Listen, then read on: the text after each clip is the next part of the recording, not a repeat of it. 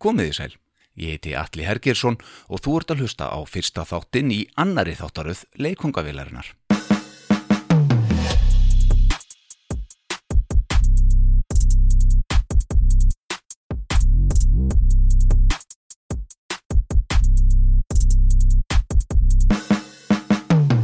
Við breykum aðeins sjóndeldarhingin í þessari þáttaröð og bjóðum í raun alla velkomna að leikongavilni burt sér frá því hvaða viðkomandi er. Það er Estri Adam, léttöl sem býður þér upp á leikongavilina. Í leikongavilni að þessu sinni ætla ég þó að halda uppteknum hætti og fá áfram til minn skemmtilegt fólk sem bralla hefur ímislegt og hefur því sögu að segja. Við munum klárlega halda því áfram að tengja okkur við tónlist að einhverju leiti en í þessari atrinu er leifilegt að fara út af því spori og það munum við svo sannlega gera í næstu þáttum. Fylgist með því. Þemað mitt í þessari þáttaröð er nördar og sannar legasögur og þannig næ ég að samtvinna tvö þema sem ég haf með í huga en stundum næ ég því meira segja í einum og sama þættinum. Þessi önnur þáttaröð fjallar því um fólk sem ég hreinlega varða að fá í þáttin einfallega til að koma því frá áður en lengra er haldið. Við kynnumst hér alvöru nördum í hinn og þessum og heyrum líka ótrúlega sögur sem sumar hverjar eru það ótrúlegar að því jafnvel efist um sannleiksskildi þeirra. En til að minka afdrif mögulegra frákansengina skulum við gæla við tónlistanað miklu leiti í þessum fyrsta þætti annarar þáttaraðar af leikongavílinni.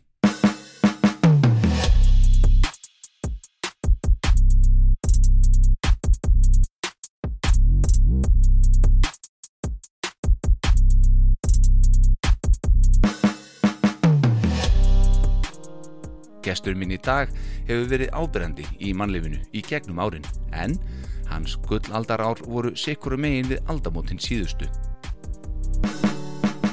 Hann stopnaði eina góðsagnakendu plötuverslun Hljómalind og var lengi vel kendur við þessa verslun og reyndar er það stundum enn. Hann hefur gott nef fyrir jæðartónlist ímiskonar og það sem hann veðjar á virkar flest fyrir landan og jafnvel langt út fyrir landsteinana.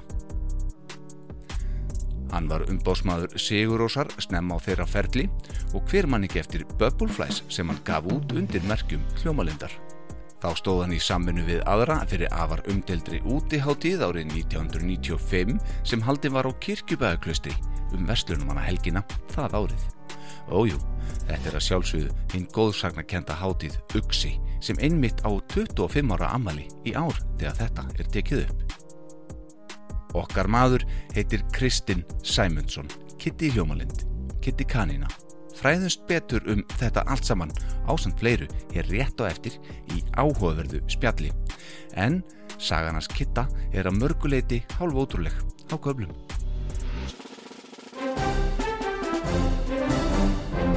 Kristinn Skakfjörð Sæmundsson, Passar, verður velkomin í leikongaveluna. þakka þér.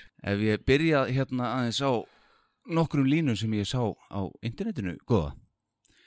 Neðarlega á herbygginu er hurð, þung hurð með glerrúð. Á veðkantinum setur dúka og merkir afmælistagsinn skælandi. Á, já, ég man eftir þessu. Hvernig kosti við þetta, maður? Segðu mér frá þessu ljóði, þú ert ljóðskáld. Uh, já, ég grípa á til í, í ljóði, en eh, alls ekki oft, sko. Já, ég, sem sagt, á úlingsárum að þá ákvaði ég að verða ritumundur Já, og, og það eiginlega fættist þannig sko að að Sjón, hann var að vinna í fellahelli. Og hann er rosalega skemmtilegu maður. Og, og, og góður við okkur.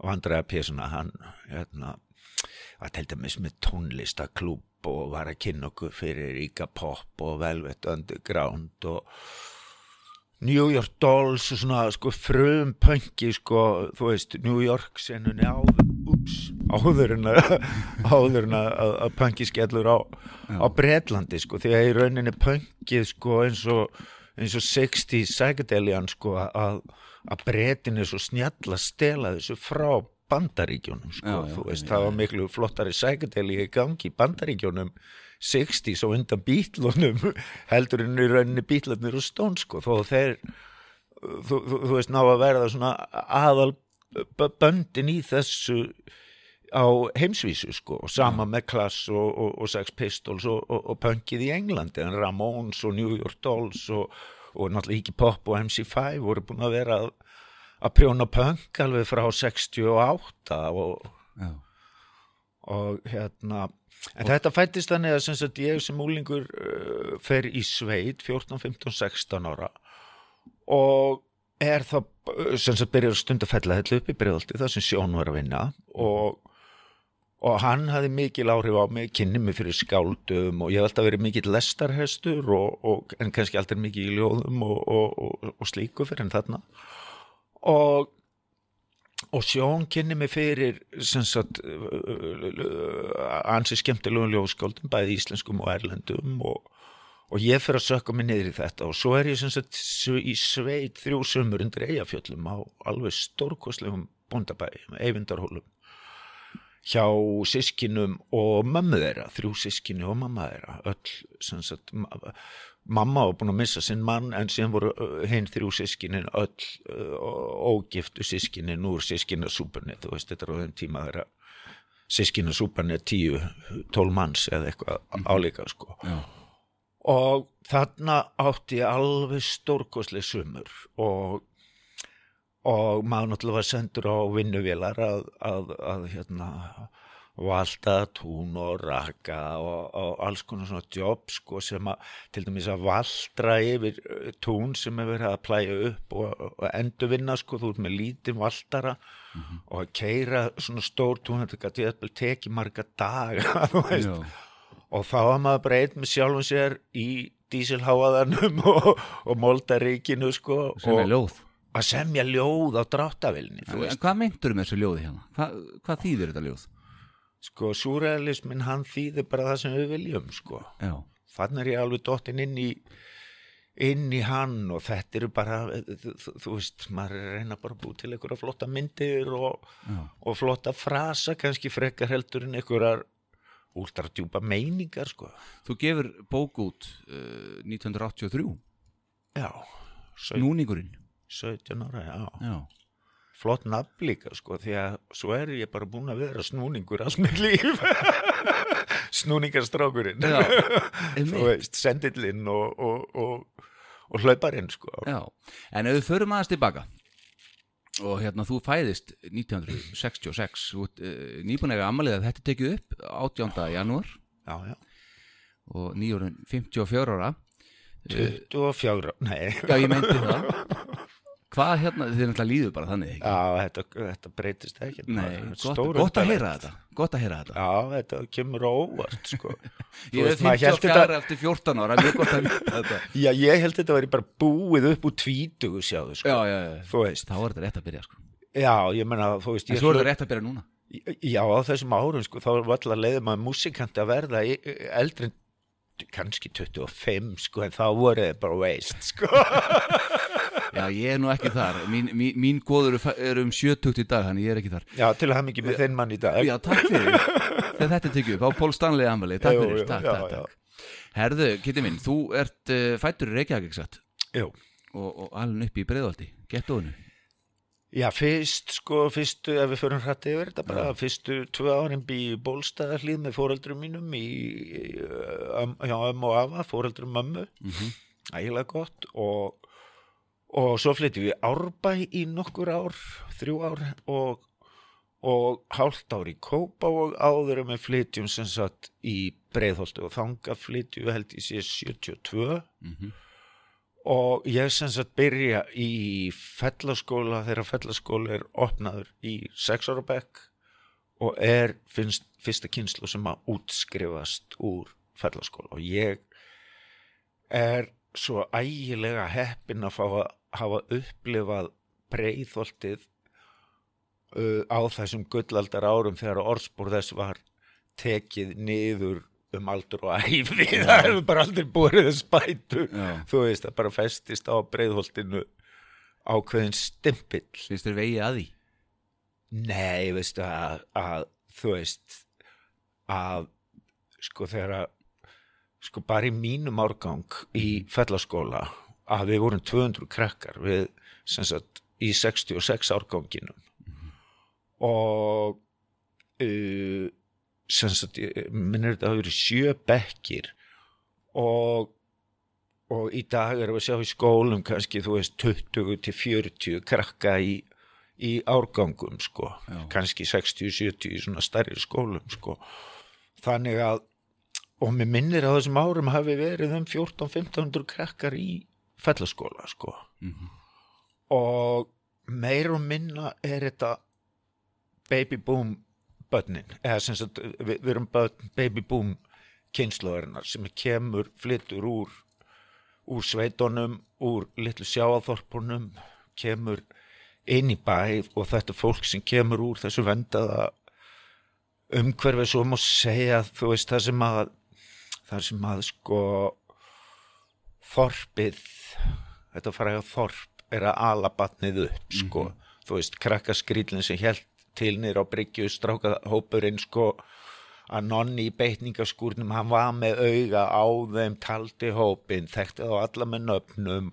Þú veist, þetta var nonni hatta eða bibi biba og, og, og þú, þú, veist, þetta var allt svona sko, og sama var á, á bóndabæjunum sko, þá byggu kynsluðina saman og, og, og eins og ég var að segja þannig með búndabæðin sem ég er á, þannig er þau bara orðin gömul, þú veist, þegar ég kem inn, Já, uh, þau voru 49, 51, 68 og mamma var þarna 90 og eitthvað og prjónaði og, og, sagði sögur, veist, þetta var alveg, þetta var gull þessi ár, sko, en, en síðan sem sagt flytur þetta fólk á mölina í, á hansi, sko, sem sagt, eða foreldrar, foreldrar minna, þú veist, já, já, já. fóreldrar mínir eru fætt þarna rétt eftir stríð sko og og, og, og svo komaði á mölina vön þessari samtryggingu sem þorpið er sko en þeirra flytja 20.000 25.000 manns á smá napp í breðholtinu já.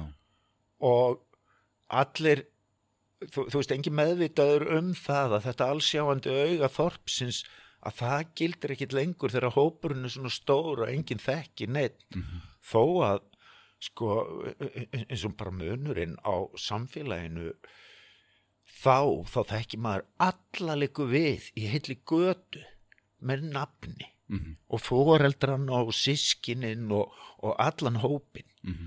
svo í dag sko ég tók eftir þessu bara fyrir eh, 15 árum að, að þá kannski byrði í blokk í stegagangi og, og þú hefur ekki búið einum einast í stegaganginum góðan dag eftir hálft ári eða eitthvað þú veist. Hvað það er kaffi? Eð, já, eð, eða hlaupið og áttu klósipapir eða kaffi einmitt, já, já, já, þetta sem að og, og þarna er það sko, þarna sko, ef, við höldum aðeins áfram í þessari fabuleringu sko, að þarna held ég sé svolítið leikill af þessu þessari tilvistakreppu, þessu börnáti, þessu þessu þróti sem að við mörg erum að upplifa í dag vegna þess að já, sjáðu bara og þú hlýtur að þekkja sjálfur ykkur einstæða mæður með tvö, þrjú börn og þú veist kannski lélegt bakland og, og Já, já. erlendur pappi og Og, og, og, og, og, og kannski vesin á foreldrunum og þær sitja einar uppi með börnin ánast og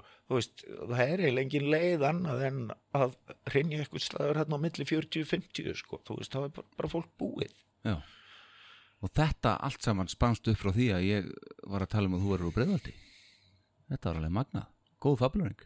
Já, já, já, já, við höfum eftir að fabulera, ég er fabulerari Já, við höfum eftir að gera það í kvöld. Já, já, já, já, sko. bara En reyndir þú, nú ert þú búin að vera viðlöfandi tónlist bara ansi mikið gegnum þinn feril og þitt líf. Hvað, eh, varstu í ykkur um hljómsveit? Þú reyndir það eitthvað, las ég.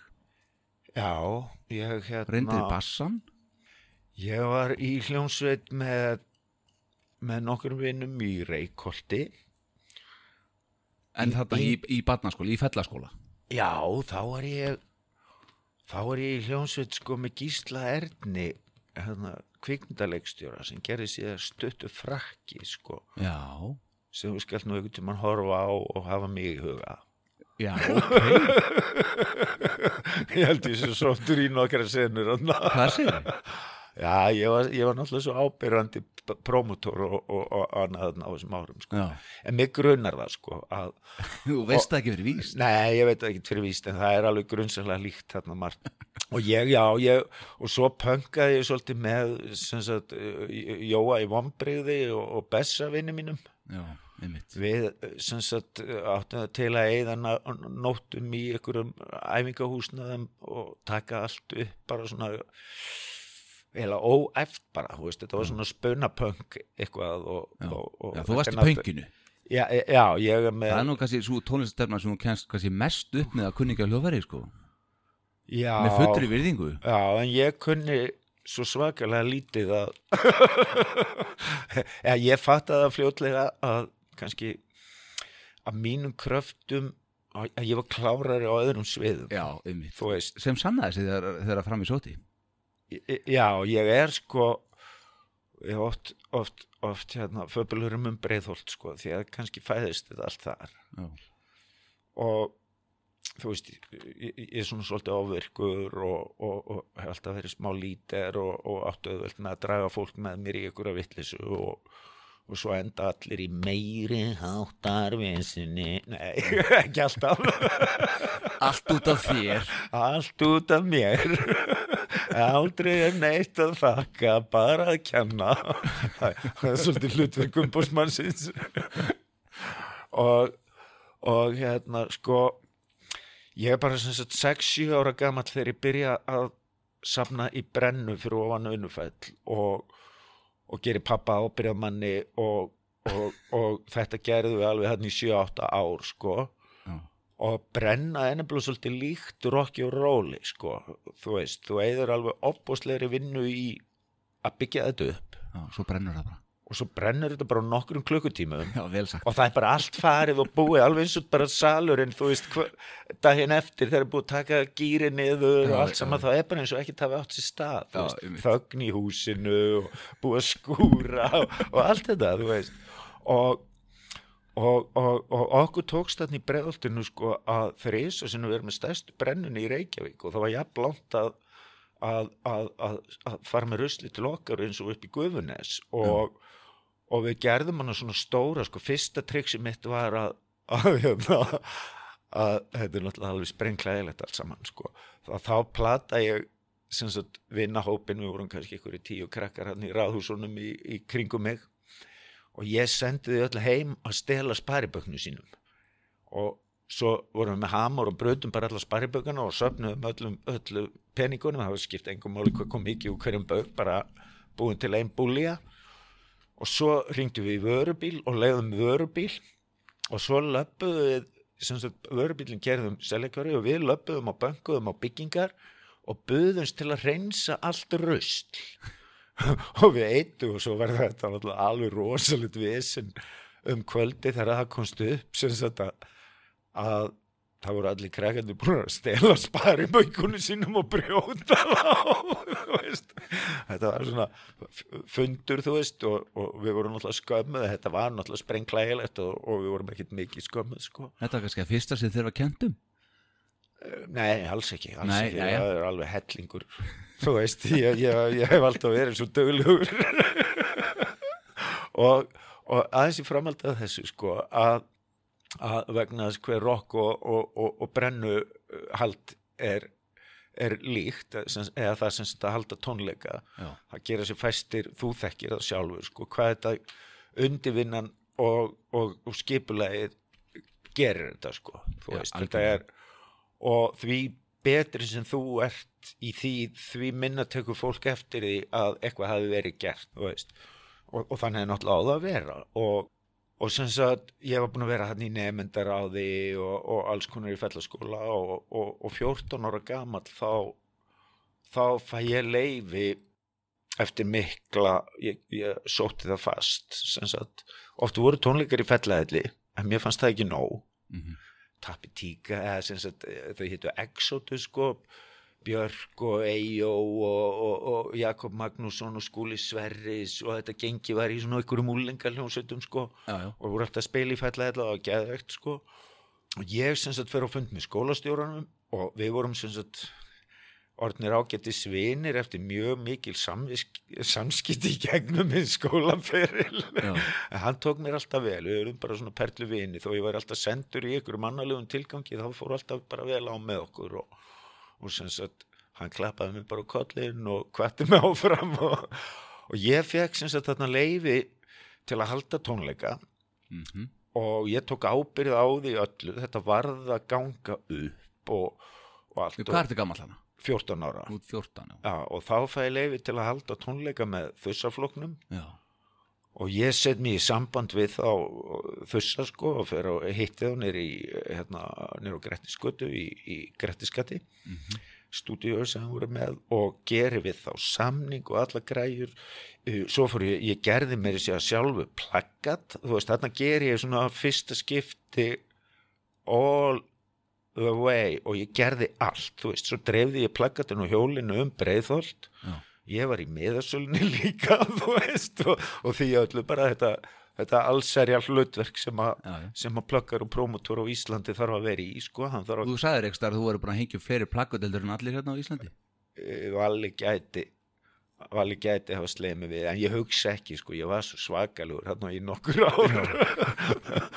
Og og hérna, og það er skemmtilega við þessu sögu hérna svo endi hana á þussafloknum, tónleikarnir gengur frábælega mér minnir að ég hafi verið með kostnað upp og sko ég þurfti 252 og mér minnir að ég hafi fengið 254 og það voru tveir sem, sem komið fyrir utan skólan plaggatið sem sagt, það borgaði. það, það, það, það gerði að ég náði að græða á líklega fyrstu einu tónleikunum mín Já, er það?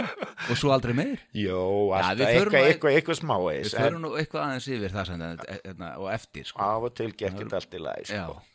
Herðu, svo á svipuðum tíma þá hérna legst þú í mynd 1900, Guð minn góð, hvað hva, hva, hva, eru þessar upplýsingar?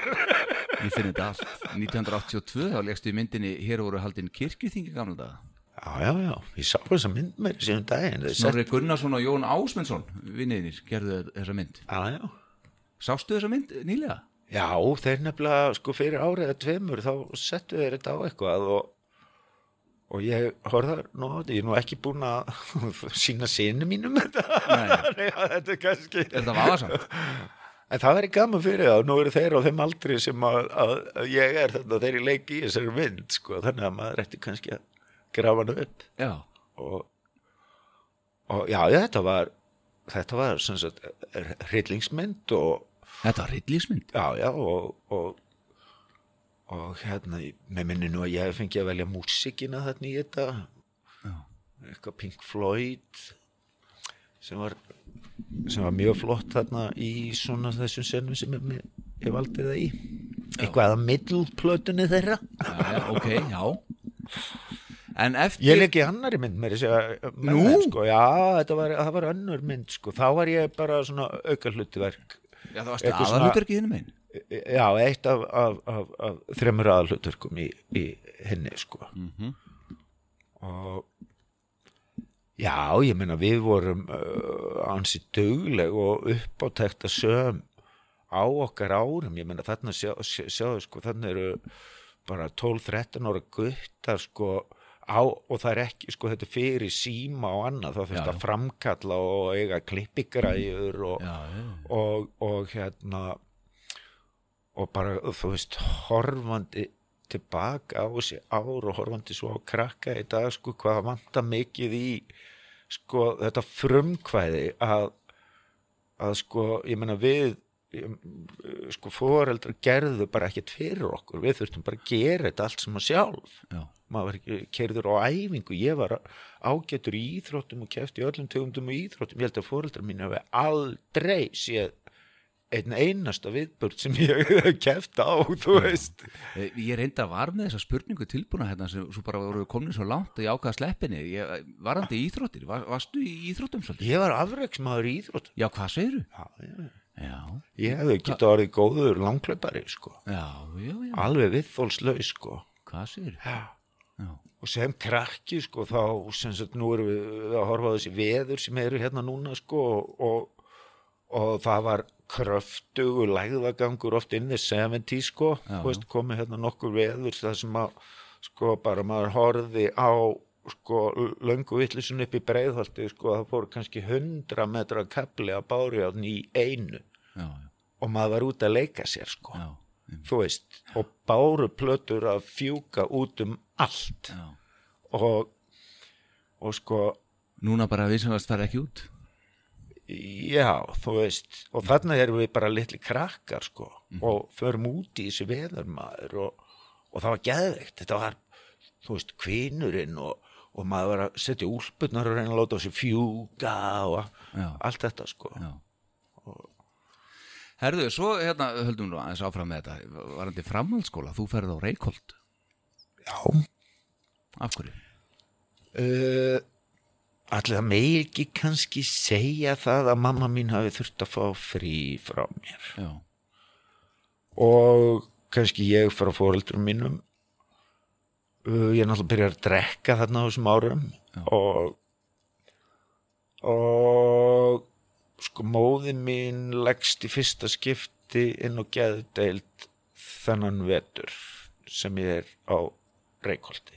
Já, og að mínu mati sko þá er ég búin að vera að reyna að segja fjölskyldum minni síðan ég er sex ára að það er eitthvað að. Mömmu. Mömmu, já, Já, og og það er aldrei neitt náttúrulega á þeim ári var aldrei neitt að marka börn sko, þú veist að nei, nei, það er hérna ég og mín kynslu er kannski fyrsta kynslu sem ber virðingu fyrir börnum og, og, og byrjum að ala upp börn, þetta sem ég var að segja á það með kynsluðinu sem kom úr þorpinu og, og bóndabænum það sem allir tóku þátt í og ábyrðin var ekki bara á einhverjum einum Nei, sko, já. þú veist, þetta var þetta var hópurinn og þetta íslenska máltækið að teku þorp að alveg batna að, að, að það á það, það er, að þetta er gott máltæki sko, og við þurfum kannski að að stiga aftur inn í þetta sko að þóra sjálf að stiga fram þegar að ekki bara afneitunin og líta undan eins og er svo, svo rót gróið í okkur sko. snúa blindulíðin að já, já, er alltaf með kíkirinn á blinda augun En allavega, þú ferð þarna á Reykholt og, og ertu þar í hvað, fjögur ára eða hvað?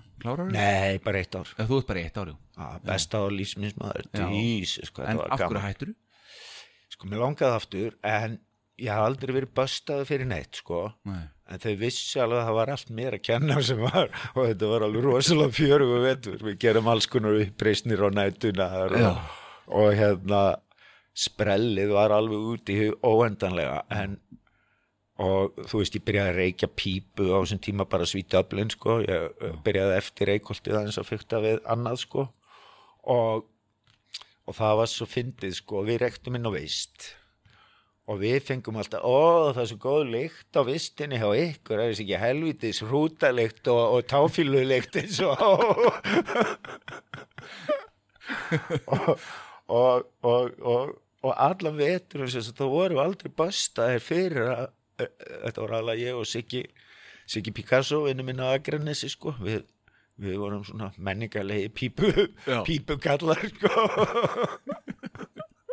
Að þetta var algjörlega frábær vetur og, og, og, og ég þennan vetur sko þá blönduð vist sko, ég er 16 ára og, og, og strákar og stelpur saman á vist sko þannig að maður þurfti bara að brjótast inn á hvenna vistinu sem sagt ef maður var eitthvað að fykta í yngri stelpunum sko. Já, en jafnaldrarnir voru innan húsin af og til kom það fyrir að þú veist það var, það var mikið svona rótir í á kærustu þú veist paralistin var vinsæl Þetta verið skemmtilegu tími. Þetta var bara geðveikt ár og það sem, er, að það sem er svolítið skemmtilegt sko er að að þarna er bara eitt vetur en við búum saman og og ég er sagt 6 ára og alveg til eh, 16 ára í fellaskóla og ánáttúrulega alveg ógrinni vina á þeim tíma og marga mjög góða vini og góða kunningi alveg í dag en eins og einkennilegt og það er að eftir þennan eina vetur í Reykholti við vorum kannski jafnmörg það voru, f- það var níundi bekkur og svo tvö að þrjú ár svona framhaldsskóli sko Mhm. Mikið íþróttakrökkum og svona sko. Og hérna sem sagt bándingin að þú veist nú fer ég, ég slasaði mig fyrir sjö árum og, og fer á Facebook í fyrsta skipti fyrir fimm árum eða eitthvað þú veist eftir ég var búin að vera á einhver í svolítið tíma og Facebookin var alveg bara wow, geðveikt og hitta fullt af gömlu vinnum og, og allt þetta. Og eh, sem sagt af þessum Facebook svona samskiptum í, síðan ég byrja að þá finn ég sko hvað er mikið meira lím í sem sagt vináttu okkar frá þessum árum þú veist það sem við náum að bánda svona vel í svona nánum samskiptum sko. Hvað, Mó, móta saman. Já, þetta er merkilegt hvað þetta heldur og, og þú veist í svona liði sem að gefa jákvæð komment eða þú ert eitthvað að gera og, og, og, þú veist já, svona þessi þessi höflegheit og næsheit sko sem er uh, hluta töfurum Facebook finnst mér sko, þetta er náttúrulega tímagleipir og mörguleiti en, já, já. en hérna Gott og slæmt. Já, hvað þetta varðar að, að, að viðhalda samskiptu við gamla vini og, og þú veist, hei, þú veist nú að kíkja í kaffi og, og annað þriðja hvert verður að kaffi og ykkur ánægilegu Já, skömmu síðar, sko, veist, þetta er ég, og allavega, þú veist að vera veikur og svona og, og, og, og hafa Facebook, sko, þegar maður því þegar maður er veikur, sko, þá vill maður ekki bjóða heiminum upp og maður er alltaf að býða eftir að verða, ég, ger það að vera skárið, þú veist, og maður festist þar svo svakalega En, en geti, eftir hérna reykóltið þá, eftir þitt ár þar þá, þú fer tilbaka þá gefur út þessa bók snúningurinn sem við töluðum á hann Já, ég er sem sagt kem þarna 16-17 ára úr Reykjóldi og á þeim árum sko þá, þetta er fyrir bjórin og, og, og, og fyrir það allt sko, þá var eiginlega bara einn bar í Reykjavík. Já. hvað allir allir gaugurinn sem opnaður 82 eða 3 bara guffið með þetta þá ekki, og hérna, jafnvel byrjaður með bjórlíkið og allt. Já, það er bjórlíkið sko. Já. en fyrir það, þá var bara einn bar í Reykjavík og það var djúpið undir Já, já, það sem að það sem að sem sagt, já, við- hotni sem er dag já, í kjallarum þar eitthvað kjallaranu þar, þar heldur Já. Medusa til og Inferno 5 og Dagur Sigursson og Já. Guðmundur Ingólfsson og, og svona uh, Þar fannstu þig já, þetta var svona þetta var svona aðal sukkararnir í bænum Svona bóhems já, Bóheims, alveg típist sko. Alfred Flóki og, og, og svona, þú veist, fullt af gömlum hetjum líka, sko og, og við unga fólkið og, og, og hérna, smá tókstreit á milli Inferno 5 hópsins og Medusa hópsins og, og hérna og þetta er svona, sko þetta er svona, já, þetta er áður en að, að, að kuklið verður til og, og, og, og það allt, sko. Já, og Medusa var aktív og, og, hérna við gáum úthelling það er einmitt verið að undirbúa ykkur að sýningu núna og já, já. eitthvað ammali eða eitthvað ég ok. var eitthvað að sjá um þetta. Já, í þjóðmenningarhúsinu eða eitthvað, ég man ekki alveg hvað er. En það er allavega eitthvað og minning Medusu þarf náttúrulega að uh, lifa sko því að því að sko sjón náttúrulega er ábyggilega eftir að verða heimsmeistar í skrifum sko einn daginn já, og já. Við býðum til því. og, já, já, og Björk er náttúrulega búin að slá fullt af góðum heimsmetum. Já, já, akkurat. Allavega góðum íslandsmetum á heimsvísu. Klárlega, Klárlega. klárlega verið okkar flottar, flottasti sendiherra með, með Sigur Ós undanfærin ár. Já. Uh, þú hérna skal ég segja umbóðsmennskan hjá þér byrjar hérna rétt upp úr þessu líka. Þú eru umbóðsmaður sóblata Hvernig finnur þetta allt? Ég held að að þessu væri bara lindó já, nei, nei, nei, nei, nei. þetta er allt, þetta er allt Já. op opinbert núna það sem við erum að gera hérna geti er að við erum að setja allt á eitt stað já, já, já. Þetta er mjög merkilegt já. á, gaman. hvernig var það? Var þetta fyrsta umba starfið? Já, Hvernig Já. gekk það? það það var slegist heila á öllum æfingum öllum tónleikum og það bara fylgdi sko, þú veist, þetta var það var ógæslega gaman Já, en er eiginlega alltaf slagsmál. Bara þú veist það var bara slagsmál- slagsmál. Já, já, bara slagsmálunum vegna sko. já, já. þú veist, hérna eru þessi bönd sko, Ham og Daisy Hill og Bara slagsmál milli Bleiku banda? Ba- Nei, nei, það var aðalega bara við að slá stimbyrði svo ég er reyna að halda þeim rólegum og, og þú veist, stundum þurfti að ronda mann og annan og eitthvað. Það var bara, það var þurfti. Já, það er bara, þú veist, pönkið pönkið var bara þannig á tímabili, sko og, og mikið drukkið og, og, og þetta er náttúrulega fyrir allt meik, sko og, og sko, úr metusi kem ég kannski með þá þá fáranlegu hugmynd í kollinum sko út frá því sem ég var búin að horfa á þá strákan að gera, verið í samskiptum við mikilsmetna súrealista vísvegar um heiminn, bara í brefaskriftum og, og öðru slíku sko. Uh, við vorum að fá menn til landsins á samsýningar og við vorum að fá okkar efni senda á ykkur á samsýningar og annað, þannig að sá ég bara að, að þú veist við getum þetta bara líka. Já, þú veist, já. þó við séum bara eitthvað lítið þorpinn einhvers staðar lengst í, í, út í ballarhafi og, og annað slíkt að, að, að þá eru bara leiðir sko. Og, og þeir kannski kenna með þetta að, að það er ekkert sem er ekki hægt sko og, og hérna byrjum við, hvar voru við Sóblettum sogblettir sko já. Sko sogblettir er uh, sem sagt Medusa og, og, og það allt við erum vinnir sogblettir er Arna Sæfarsson bróður Bjarkar Mhm. Ari Eldon, bróður Þós Eldon Mhm. og svo Gunni bróður minn, drómari Já. og svo Nonni Punk. Og Ditta þú veist, var heyrsskáld sogletta, hún semur alla textana. Já, og Ditt og Björk bestu vinkonur, þú veist, þetta var svona uh, einhvern veginn þú skilur, rosa Já, já. family dæmi, sko. Já. þannig að þau þeir eru alveg í klíkunni og fá góð gig að spila og, og, og, og þess aftar og náttúrulega fyrsta platan er algjört master písa mínu mati, sko. Ok. En Þetta það- hún er á held ég já, já, Já. orðöskusins og, og ég, hennar 50 gýr, sko Ég fíla mig best í fymta gýr, keiri niður, menn og dýr. og Er þetta eftir hirskaldið dittu? já, já, já, já, það er þetta stúdur þessa texta nefnilega. Þetta er alveg stórkostlegt skáld Já og frábær manneskja. Voru þeir ekkert að syngja neitt eftir þig? Þú?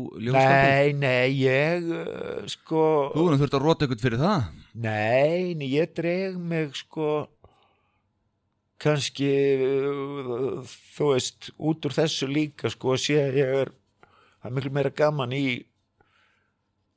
ég kannski setja þetta svolítið þannig að ég skrifa þegar ég er búin að gera þetta allt og, og, og þetta, ég setja það á svona hold einhvern veginn, sko. Já, já. og en sem sagt að, að sogblettunum sko, þá þá er ég strax komið með þessa furðulegu hugmynd sko, og ég gerði eitthvað í því mér segja, sko, að, að ég sendi efni með þeim ekkert að ég skila árangri sko, Nei. en þessi hugmynd sko, heyrðu sendum bara Íka popmaður og, og, og förum og hitum upp með Íka popmaður Heyrður aldrei frá honum?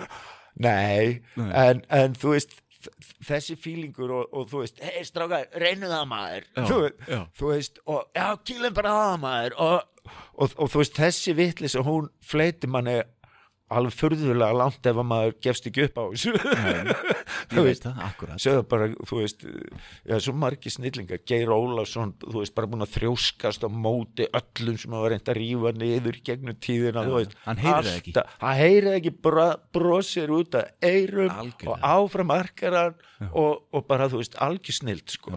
Og ég dáist að svona fólki, sko, sem að, sem að, hérna, þú veist, getur þrjóskast svona lengi á sama róðinu, sko. Ég er alltaf komin á nýróð. Og talandi um það Þegar að sógblettir uh, leggja upp laupana þá hérna færð þú vinnu í gramminu já, já, já. Eða sagt, Þá byrja plötusalan hjá þér Já, vá maður sko þá í gramminu nefnilega þegar marstu sjálf á mig sko og, Byrju, þú ferði í meðferðan á millið já, já, já, ég ætlaði nefnilega að segja það sko að, að ég fer í meðferð uh, í desember 88 minni mig Var það fyrsta? Eh, fyrst og eina með Fyrsta og eina? já, já.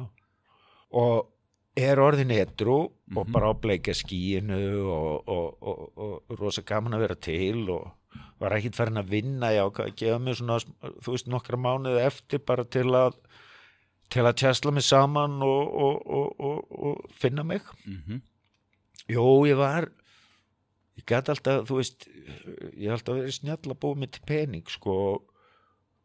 Þegar maður gerir allt rétt út frá hjartanum hans -hmm. þú veist, og þarna var ég kannski fyrsta skipti svolítið að trúa á bara gæsku hjartans hreinleikan og þú veist, byrja að vera edru og, og hérna og bleika skýið í því ferli er náttúrulega bara eitt mesta hæ sem að maður verður fyrir í lífinu held ég almennt sko, þegar maður uppgötar að það er líka hægt að vera alveg mega hæ og ég kannski var of hæ á edrumennskunni sko Mm -hmm. Overdósaði á edrumennsku hann alveg í nokkuðar ásk Þú overdósa á eitthramennskunni já, er þetta ekki svolítið góð pæling. Jú. Þetta geti verið bara einhver unditill á æfisugunni já, Já, gæti orðið það sko. Já, og og svo sem sagt nokkrum, það er búin að vera þarna edru í nokkra mánuði og, og einn daginn þá er ég að keira í, í hondunum minni niður er frábæran bíl, svona hondu akkur ægilega, svona snarpan og skemmtilegan bíl. Og ég er að keira fram á gramminu og lögavegi átján það sem var hérna í portinu.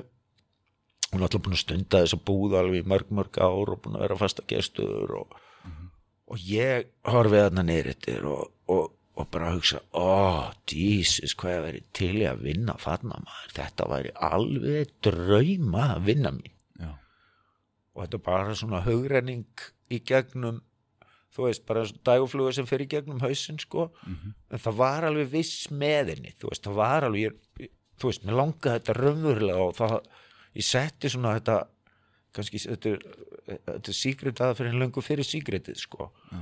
og þetta hefur náttúrulega alltaf virkað held ég að, að ef þú setur hlutina heiðarlega út í kosmosin að, að þá, þá koma hlutinni bara til þín sko, þú veist og ég get þér það að þennan sama dag um kvöldið þá fikk ég símtal.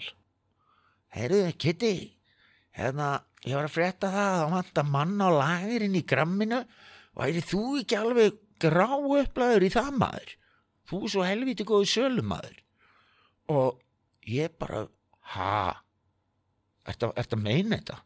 Þú veist ég setti, þú veist, ég saði henni söguna þetta var góð vinkuna mín, saði henni söguna. Ég hefði bara óskað mér nákvæmlega þess að ég bara verið nokkru klukkutímur síðan. Og, og svo byrjaði ég að vinna og, og mér tókst næstum því að bjarga gramminu frá gjaldþrótti en, en ekki alveg. Þeir þeir eittu öllum peningunum sem ég eitti í nóttina löngu eftir Bubba uh, já, já, já. og hún kostaði alla peningunum sem ég bjóð til. Já, Dý, það? dýrasta plata Bubba efer held ég, það var voru peningar sem þú bjóst til. Já, það það. Já, Því en, að- en ferðu þá ertu, þegar þú hættir í gramminu þá þú hefur verið hann að hvað, í eitt ára eða hvað? Eitthvað tvö ár, eitthvað svo leiðis í gramminu og smekklísu, sko, svo er grammið sem sagt svo uh, sagt gera þau útgáfu samning við Steinar Já, smekklísu og grammið og ég fylgi sem sem fulltrúi gramsins og smekklísu til Steinar sem fer á laun að skrá hjá Steinari. Já, og var þar í nokkra mánuði.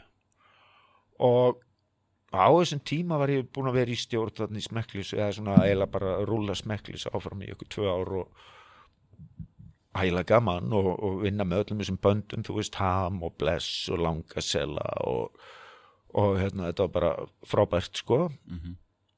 og og sko og ég hef alltaf verið með tónleikablæti þú veist, það er fátt flottar en góð brenna og, og flotti rocktónleikar það sem að fólk bara kemur saman og hugurinn er allur á bálinu eða bandinu og, og við verðum með þessi eina sál sko, þú veist, þegar við erum alveg jún, alveg saminuð og það er, þú veist enginn er reyna að vera meiri töffari, sterkari, sætari eða neitt, það er bara allir þú veist, í rockinu Já. og, eða eldinum þú veist, þessi sefun og horfin í eldin og, og þú veist, þetta eru frumkvatirnar okkar sko. Og Þú fyllist alveg eldmóð þú talar um það? Já, já, já og nú er ég komin út á tún sko. Þú veist að þú, þú hættir, þegar, þegar þú hættir í gramminu og, og fóst sem já, já, já, þá var ég semst búin að vera sko, sigumólarnir voru þarna búin að vera í nokkur ára að túra með U2 og New Order og Pill og, og þú veist, hittu Gun Club og, og öll þessi band sem ég langaði til að flytja til landsins og ég, það vantaði alltaf peninga þú veist.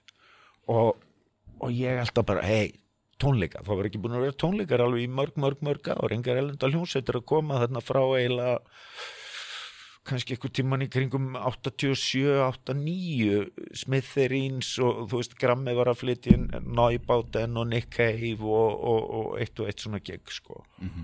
Og, og ég hef aldrei verið þólimáðusti maður í heimi. Nei. þú veist, þannig að ég var alltaf, ei komum og höldum tónleikamaður. Við getum alveg, ég meina U2 myndi gera góða hlut á Íslandi, Order myndi gera góða hlut á Íslandi og það var alltaf þetta nei, við gerum það bara sjálf einhvern tíma, þú veist. Og svo líða mánuður og vikur og allt þetta og, og ég bara, nei, ég nenni þess ekki sko. ég get ekki beðið í mörg ár eftir að gera hluti sem ég langar til að gera núna. Þú veist, það er allt mómentið er núna og mómentið er ekkit eitthvað, þú stólar ekkit á þessi móment eftir tvö ár, þú Nei, veist í, þau eru þetta fyrkt í, í rocky og roll og poppi og, og þú veist tísku strömmarnir og hvert þetta allt saman leiðir, þú veist þú, út með straxveikina já, ég er með mikla straxveiki og þú veist, ég hef aldrei fengið styrk í neitt sem ég hef gert og ég hef enga tíma til að býða eftir þessu bjúrokratíu, sko, þú veist. En þú stóðst fyrir ykkur hérna á svipjum tíma og hættir í gramminu ykkur, ykkur sem heitir rockskóar það, oh my god, þú grafið allt upp. Já, það er ykkur tónleikaröð sem átt að stiða við skórekt á Íslandi og hérna átt að ætlaði að reysa eða rækta upp uh, skó, rockskó í hverju landsfjörðingi og fyrstu tónleikarnir voru í lögadarsöllinni þar sem ykkur fjögust manns komu og, og, og sáu Sigumóluna, SSól, Sálina, Rísæluna, Bubba, Megas, Bootlegs og Tottmobil ekki já, rétt, já, já, og serkja pípuleikaran maður sem við fundum á tjörninni. Hvað séru? það var geðveikt, maður spila í tíu mínútu korter og sjá fjöguðust mann stansaði serkja pípuleika og bara vangi við. Ég er bara einhver gaur sem við fundum ykkur á nóttina og ræðum oss út á tjörn. Og var frosinn maður. Það stóð hann og serkja pípur við hlupum og, og réðum hann alltaf til að vera með atriði það ekki sko? En, en byrjuðu komið ykkur skóur út úr þessu? Er Eh, kittalundur ykkur starf? úti í Faxaflóa hef ég heyrt að sé eitthvað smá lundur Já. þar að skóur En þetta er vantarlega ykkur hugmynd sem hún fær bara og verður að koma í gang bara eittur og bingo. Já, þetta var mjög flott sko, sem sagt vel, vel pælt og fullt af góðum ásetningi ef svo maður segja, og þarna er kannski ágætlega líka við stöldur aðeins við, þetta er hvað, 89? Þetta er 90. Þetta er 90 Já. sem ég gera þetta, ok 30 ár, já Mm og 25 ár frá auksa, já, sko, þetta er alveg legend ár, vegna þess að sko ég hef kannski verið að fatta það núna í setni tíð að og sérstaklega sko eftir að ég fekk þrastaskó í hendurnar, við komum að því síðar Já. að það er stundum sko þá fær maður bara lífið í hausinn og, og allt í einu sko er ég í rauninni stattur með skó sem að stendst væntinga mínar langt, langt umfram það sem að ég ætlaði mér að búa til þarna fyrir 30 árum. Þá ætlaði ég semst að búa til. Mér fannst skóar á Íslandi vera þannig að það er plantað og svo bara er hverki pláss fyrir fólk. Já. og ég ætlaði að breyta því sem sagt búa til skó sem að væri skjól uh, gert ráð fyrir klósettum og uh, sviðum og, og aðstöðu og, og annað. Sem sagt ég ætlaði að búa mig til skó til að leika mér í framtíðinni. Og, og hérna og á þessum ára var mikið skóræktar átak og, og við í rauninni með tekst að búa til svona breyðfylkingu bara nánast allra poppar á landinu, þá vildi allir vera með. Og það voru sem sagt þessi stóru tónleikar í höllinni og þarna var metnaðastig mitt náttúrulega sko stjartfræðilegt uh, íslenska hljónsutur höfðu ekki haldið svona uh, sem sagt gegg frá 69 í höllinni, Björgun Haldursson og einhver popháttíð sem sagt. Og síðan hafði ekkert verið það svona ekki bara stórt. popstjarna Íslands bara? jú, jú, það, það, það er þá. Já.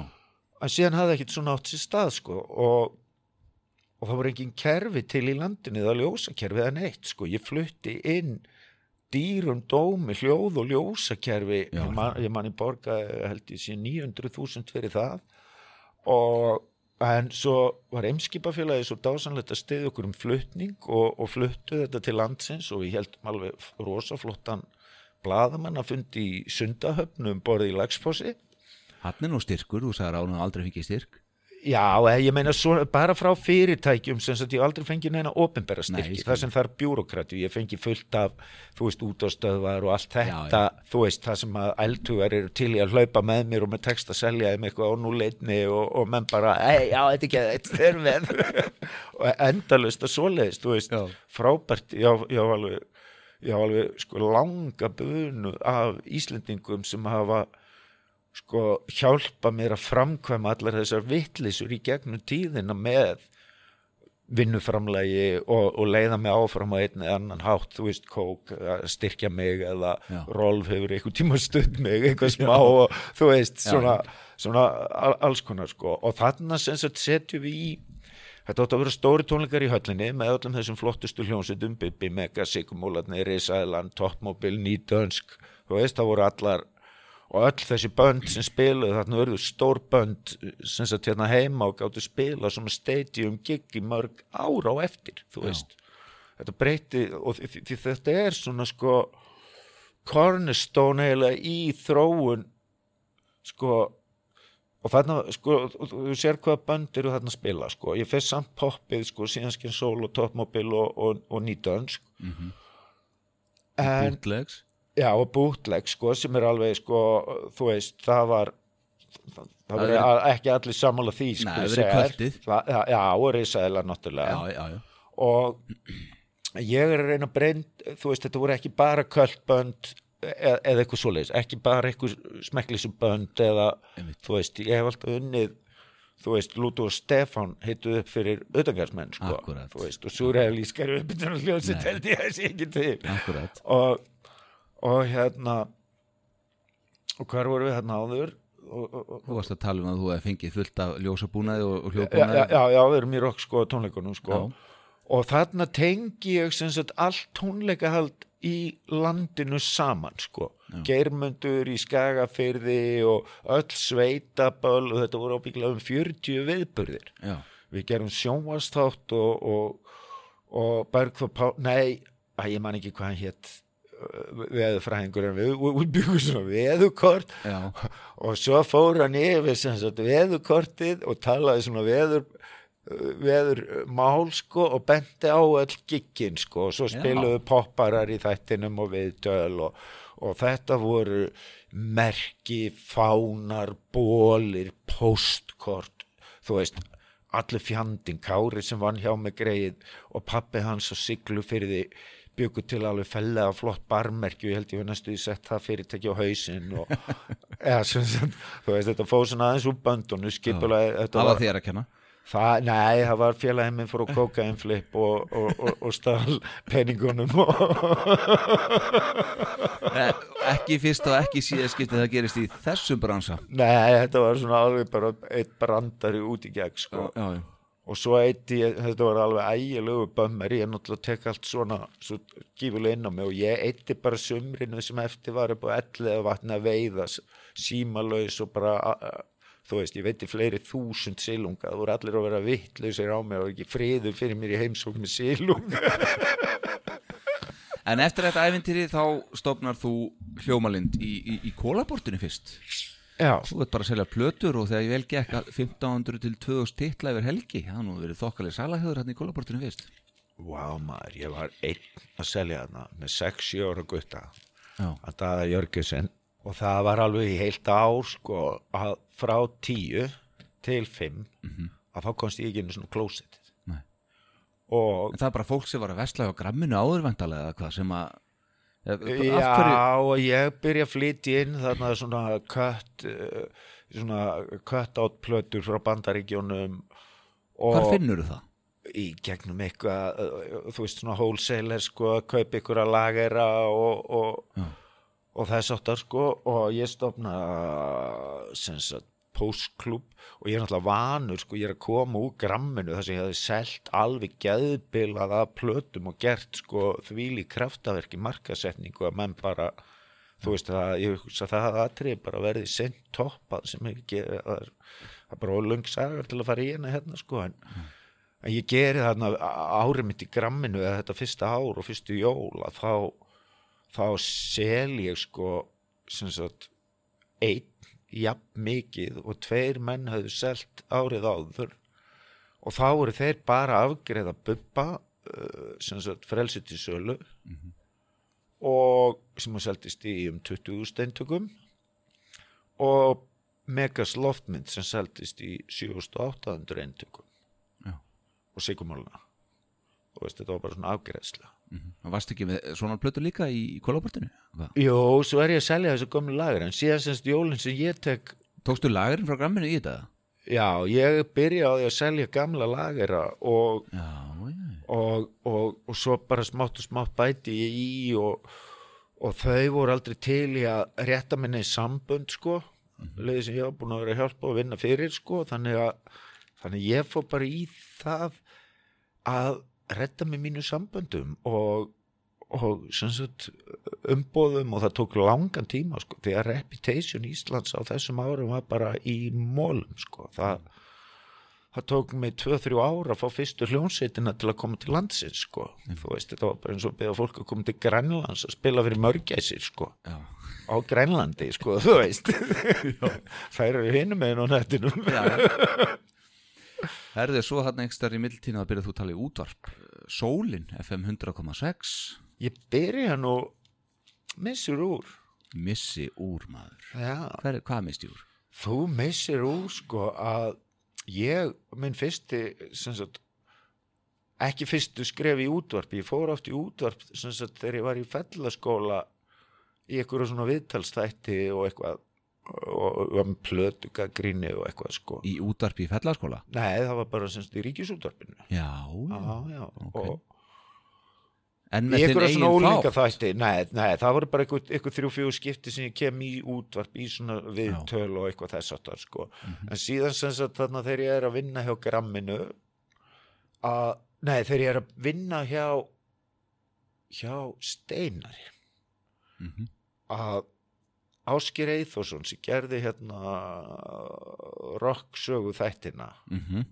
með honum Matt, eða hvað hétt hann strákurinn ofan að Akranessi, Mattias eða ekki, eða Ég maður ekki, sem var bara hérna á rúf bara fyrir tveim ára síðan eh, ofsalega góði þættir. Já, og það sem er farið svona daldi grúndikt yfir söguna. Við sem sagt uh, byrjum, við vorum að skrifa í grammi gaf alltaf út blöð og ég hef alltaf verið með svona blaðablæti sem sagt ég er bara 10-11 ára þegar ég byrja að gera popblað með vinni mínum upp í breðalti sko. Já, það sem við kópinum bara greinar og öðrum blöðum og eitthvað svona og ljósrituðum og vorum að selja þú veist, ég held að verið í þessu sko. Já.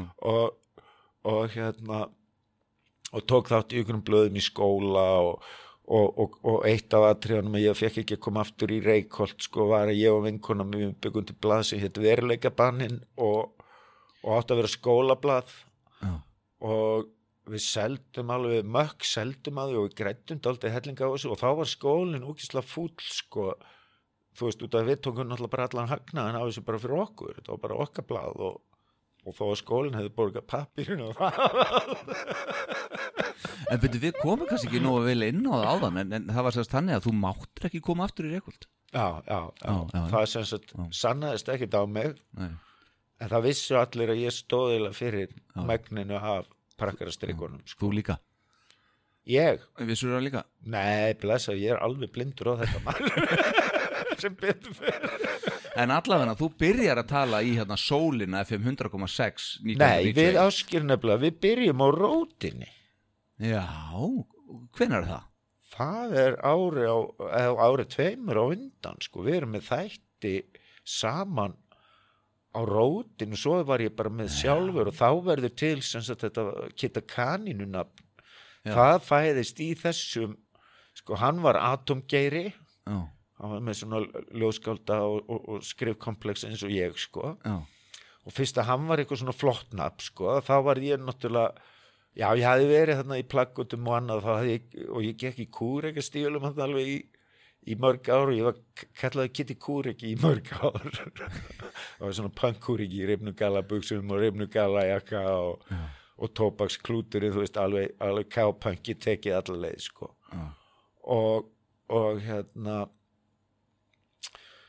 En var Og- ekki kanun nafnið eitthvað frá Bugs Bunny líka? Jó, jó, Já. þá sem sagt sko sæki ég, sem sagt Bugs Bunny var búinn að vera minn maður lengi og, og fyrst að hann var atomgeiri þá, þú veist, var ég að finna eitthvað og ég fann bara, sem sagt, Kitty Canina Mhm. og mér minnir að þátturinn hafi heiti gott bít og ég hef oft nota það áður, sko og En ég reyndar sko gott bít varstu líka með á rás 2, 97 já, ég nota, þú veist, ég hef oft leikið með með logo og svona þvægt hlutunum fram og tilbaka, sko. Já, ég, ég var alltaf að breyta logo í hljómalindar og og svona, þú veist ég hef ég hef left mér að pöngast á sjálfum mér í gegnum tíðin og gera alls konar tilraunir og, og bara vera ófeimi við það sko. já. Hljómalind, þessi legendary plötubúð sem að bara því miður svona yngri kynsluður fengu aldrei að kynnast. Að komi hljómalind til þeim var alveg stórkoslegt ég upplýði það nokksunum þó, þó ég hef verið búsettur á Akureyri. Já, já. en hérna, þú færð þarna loksins húsnæði fyrstu austustræti ég reynda að koma aldrei þangað. En svo síðar á laugaví og þú bjóst á efrið henni ekki? Jú, ég var á tveimur stöðum á laugaveinum og, og en endaði ferilina þarna á laugavegi 21 já, uh, og þessi fræði hljómalinda reytur sko hann uh, já hugsaður, hann heitir það bara í dag. Já, og það er ekkert ástöðu lausu, sko, því að ég kaupi þarna þetta hús og, og fæ til þess aðstóð og, og, og, og, og það allt. Og torg þarna við hliðin á húsinu og þá eru áform um það að byggja þarna ykkur fjögra hæða hús og það eiga að vera ykkur tveir, þrý metra frá mínu húsi í það og þú veist, það er eitthvað svona pakki, sko, það, er, það er ég kaupi.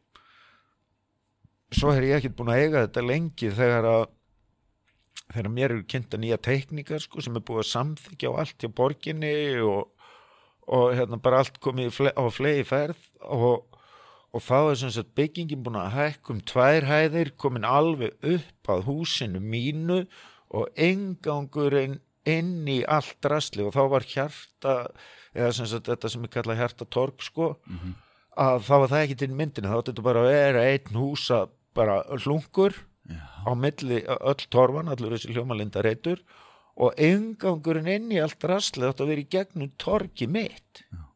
og þá er ég sem sagt orðin eigandi að gangstjettinni og þetta var 125 fermetra torg og þá er ég orðin eigandi að því þannig að mér byrja að reynsa það, hálkuverja það og ef ykkur ennur á raskatið og meiði sig eða eitthvað þá er ég ábyrgur fyrir, þú veist risa dæmi sem er að koma þarna, þú veist, algjörlega óviðnandi staða. Og það, Stopp, stoppaður þetta bara? Nei, nei, nei, nei, nei ég, jú, að ég sett í smá vesinn, sko, en ég ég kom með tillögu, þarna er ég búinn að vera sem sagt, þetta er einhvern tíma 2001 2002 eða eitthvað, og ég búinn að löpa í gegnum sigur og hérna, bölli mitt og, og utangarsmanna bölli mitt og, og þú veist, ég verð fyrir nokkrum áföllum það sem að hvernig svo sem sagan er og, og hvað svo sem sannleikurinn er að þá leit ég á það þannig að, að, að ég hef verið íllilega stungin í bakið og sveikin á fyrir hérna eða bara algjörlega óengjart og, og, og, og, og ég tók þetta allt saman mjög nærri mér og, og Þetta er alltaf blaðið, fyrir mig þetta þér já, já. Og hérna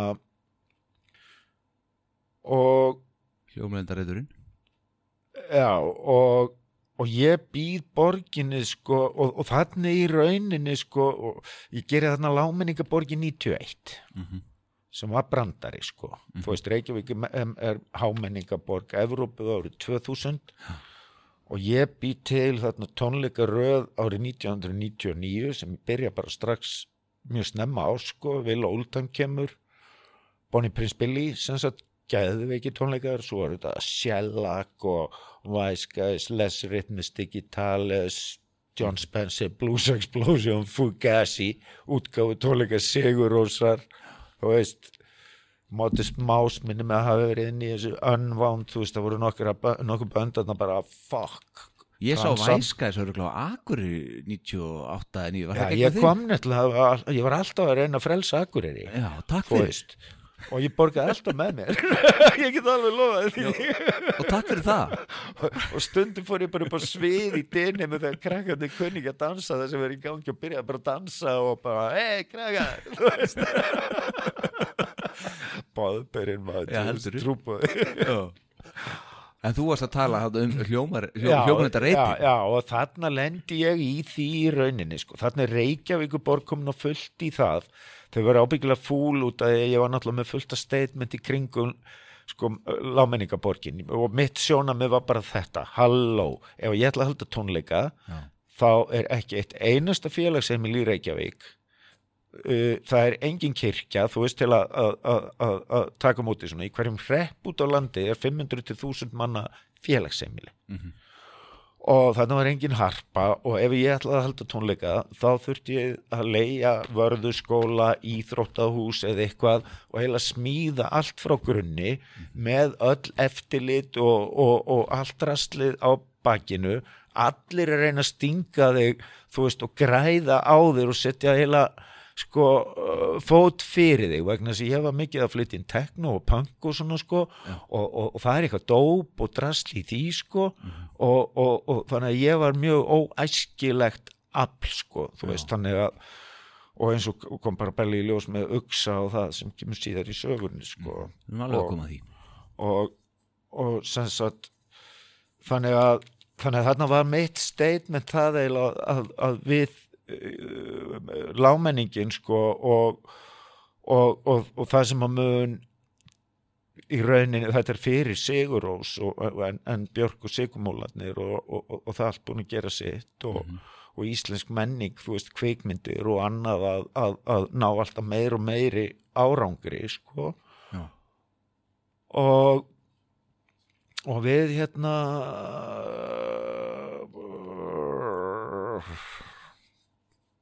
Gerir Reykjavíkur borg já, já, já, já, ég gerir Reykjavík borg tilbúð og líka út frá því sem, að ég sé nú búin að vera eitt svo að, sko, á þessum tíma er ég búin að flytja til landsins og borg úr eigin vasa líklega fyrir 150 erlenda blaðamenn og fjölmjölufólk MTV uh, hérna New York Times uh, b- bara name it, þú veist, og fyrir Sigur og slíka og fleira, sko. Bara á Uxa voru 50-60 erlendi blaðamenn, sko og þetta borgaði allt án styrkja og, og bara úr eigin vasa og, og ég leit svo á að ég var búin að gera Reykjavík heil og þarna er erfis að byrja og allt þetta sko. Og halló, ég er nú búin að vera brautriðandi og er ekki alltaf lagi að þakka mér. En þarna er Reykjavík borgaði orðin samkefnisæðli minn. Og þau sjálf farin að halda gegn og flytja til landsins þannig að ég var í rauninni þetta vill ég meina sko, ég vill meina það bara pólitíkin hafi tekið mig þarna af lífi vegna þess að ég var bæði orðin allt og flottur Já. eða asnalegur, þú veist, taka á mikla aðtikli Já. Þarna, já, þetta fekk og kannski lóðapólitíkin mín líka sko að gert þér illa fyrir? Já, þú veist, ég býðum hann að kaupa, ég menni á 125 skall fermetrin eitthvað sem var bara, þú veist, fermetraverð og, og þá getið þið bara gert þetta en þá er ég ekki ábyrðmaður og á þetta og er ekki hægt að forma það svona sem smá, þið fáið land og, og getið gert það það sem þið viljið og ég fæ styrk og get haldið áfram, sko. Þetta, þetta var hap, sko, bara. Fingur- Hver er borgarstjóri þetta? Ingibjörg Sólrún og ég náttúrulega hafi, þú veist, ég hef alltaf verið að stríða þú veist, pólitíkusum, prestum og löggum og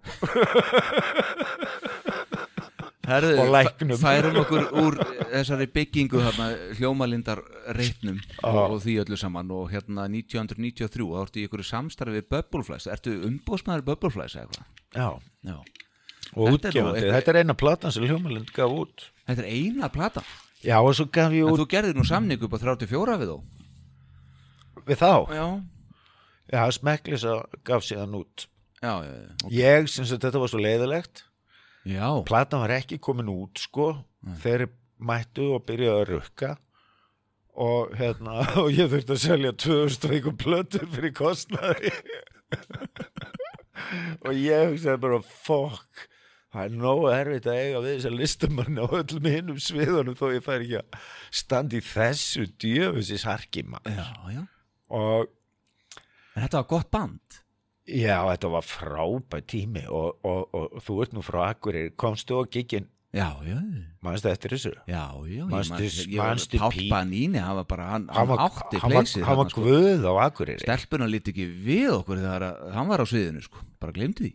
Veistu að, að sko nokkra ferðir hann á Akureyri með Bubbleflace er bara eitt af skemmtilegast og surrealískasta sem ég hef upplifað. Það var alveg það var algjör bíó. þetta var sko fyrir okkur allar fyrir norðan menn, þetta var eitthvað nýtt og þetta var svolítið svona útlenskt fannst okkur og þetta, þú veist, og, og, og Páll Baníni eh, bara á Böbbulflæs kemur bara einhvern veginn upp úr engu, það var einhvern veginn engi forsa og allt er bara mættir já, fyrir okkur, fyrir norðan sko já, já, þetta var, þú veist, fyrsta svona PR stöndi mitt fyrir sjálfa mig og, eða svona, þú veist og, og það hefnaðist allt mjög vel nema bara hljóðið á plötunni var gallað. Já.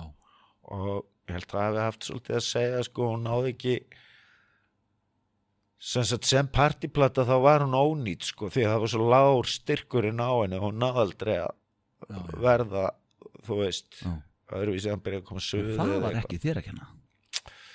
Nei, ég meina, þú veist, tæknin. Ég hef alltaf verið tækniklaufi og við handa fyrstur manna. Já, en þú tókst ég er ekki rótari. En þú tókst ekki plötunu upp? Nei, nei, nei, við vorum með fagmenn bara í þessu og, og ég lagði allt í þetta en, en sagt Egin peninga? Já, og tók bara virkilega áhættu með þessu sko, ég meina ég þurfti að selja ég með óþekta hljómsveit nýja tegundu tónlist og, og það þarf að selja minni með 2200 uh, eintök sko, veist. Að vorum, já, Eyður og Einar gera kóerið og, og við erum með dýra sessionmenn og alvöru stúdíó og Já. og gerðum vídeo meiri sem með fucking Leons í af öllum já og þú veist ég gerði hann svolítið að kvöld hetti á Íslandi og meira fucking ég bara aldrei æfinni hitt heldur en þá manneski sko. Hún toppar allt sko. Já, alveg sama hvað þú gerir fyrir hana og er góð við hana henni tekst að snúa því öll og kvolf og, og og sko verður rætin og ræðist að fólki, þú veist, bara mjög ómerkilega, sko, þú veist, Ok. sem að Ég þekki hann ekki nýtt Nei, það er bara, þú veist, Bara fínt hannig er ekki fínt að hafa hana bara á Indlandi? Jú, jú. Mínu vegna sko. Herðu, nema hvað uh, Svo ertu að fara að gefa út blað þarna líka uh, Í samstarfi við Exit Hljómalind og Exit. Þú ert vantilega farin að tala eitthvað í útarpiðar Exit ekki? Þegar ekstra blaðið verður til. Jú, ég náttúrulega, ég gef út sko hljómalindablað alltaf uh, sem Dóttur Gunni rittstýrið með mér. Já, gef út nokkur eintök af því sko og svo þróast það sem sagt með X-inu og, og hljómalind og X-i var var eiginlega bara X-i var eiginlega bara út í bú hljómalind til að byrja með sko. Þetta er á sem Og- þegar Exit var gott. Já. Og, og þú veist, ég skafaði þeim alla músikin og allir dítiðarnir eru, þú veist, ég er þarna í austustræt og stutt á milli og, og hérna og svo fljótlega prjónast þetta upp í uh, sem sagt ég ætli við verðum ekki, ætli við auksis ég ekki fyrsta svona viðburða fyrirtæki á Íslandi, ég geti trúið alveg eins og ekstrablaðið fyrsta fríblað á Íslandi, djúnusins frumkvöðulertu með henni viðtali drengur? Heldur betur Ha? maður. Já, út af bara allt maður. Sem, mér, mér, mér var svo dásalegt getið þegar ég var að skoða netinu að hérna þegar það var útgáfu teiti ekstrablaðsins Já, þá sé ég þar á ljósmynd að tróða upp í partíinu sjálfan Tryggva Hansen já, já, já. sem að býr bara í dag hérna í einhverjum óbyðum hérna frá öllu rafmagni og öðru sem að Hann er off-grid alveg stórkoslega ná ekki Hvað er hann að gera? Þar, Já, er hann að spila okkur að steina eða eitthvað? já, neða, einhver bala eitthvað. Eitthvað bara, já, já, já, þetta sagt- finnur, þetta finnur þú til Já, ég hef sem sagt alltaf verið mjög hrifin að því að týna til einhverja sem að stuða elítuna resilega vegna þess að ekstrablaði var sko hugsa sem svona algjört tískublað, úlingablað þú veist, Já. glamorous model og, og, og þú veist, það var á metnaðarstig sko og, Já, já, og ekstrablaði er mjög flott. Eyður og Einar hann að þarna fyrstu 2-3 og svo erum við með Kristján Einarsson með okkur í, í hérna uh, ábyggla tíu blöð sko og Kristján Einars er, er, er gammalt bara okkar, einn af okkur fremstu hönnuðum sko, brunna eh, maður, kemur úr því. Já. og hann hannar megniða stuðmannadótinu, hann á annað hvert logo og fyrirtækjum hérna í bænum og annað slíkt sko, gerði uksa logoinn og það allt og, og vann með mér lengi sko og, og við vinnum á til enn þann dag í dag sko. Já, það með þessu. En talandi um tísku, þú opnaði fatabúð líka. Heyrðu, já. Og þú sagði reyndar í einhverju viðtali mér fannst það svolítið skemmtilegt og tengdi náttúrulega við þessa búð að þú hefur verið þinn akkursa hæll í gennum tíðina að vera alltaf einu til tveim árum undan því sem er að gerast. Þannig að þú opnaði semst fatabúð með eitthvað svona hip-hop fatnað eins og þú sagðir Já, og gafst upp á því en tveim árum síðan þá, síðar þá sló þessi fatnaður í gegn. Þá varst þú hættur. Já, já. Og ég man einmitt, við vorum að tala um sjón á þann Hann kom og kipti svona galla hjá mér maður. Já. Svona hip-hop galla. Hvað sér, buksur og hælum og, Já, þetta var svona eitthvað eitthvað, eitthvað bagítót og léstu sjón gangum í því Já. Ég veit nú ekki hvað hva, hva hann hefur gert það lengi sko því að, því að hann er náttúrulega orðin Já, hvað segir er þetta orðið kúli á? hann er gaman að vita hvert hann ættið það. En já, Hvað þetta, búð? þetta var bara hljómalind þú veist, á efri hæðinni niður í austustræti þar, Já, bara hljóma, hljómalind uh, fatadeild já, og tóltómu sko, þar, ég var með bara búði niður, var bara 18 fermetrar. Ábyggla, þú veist og ég meina útlendinga sem komaði inn og sá hvað það var lítið og svo fyrir að flett í gegn þú veist, þess vegna var ég svona fljótt eh, hérna frægur hjá útlendingum þú veist. Eh, fólk hafði aldrei bara að vita að koma inn í svona búð með svona fáum titlum en þú veist, bara allir titlarnir góðið mér langar bara í helmingina búðinni bara. Já, já. Og Það er vont fyrir veski að vera stattur í svoleiðisbúð, ég þekki það. Já, já, og þetta, þetta voru náttúrulega alveg, alveg dásanlega ár sem ég fæ að upplifa, veist, það selst svo mikið, það uh, fyrir að vera svo auðvelt að, að gefa út endur útgáfur, þú veist, uh, gæða gengi fyrir að, að, að þvælast um heiminn og grafa upp fang frá Afríku og, og þú veist, alls konar þýska klámynda, músik uh, frá 60s og ítalska og, og alls konar svona dásanlega dót, sko, sem að bara, wow, og soundina og svo allt, þú veist.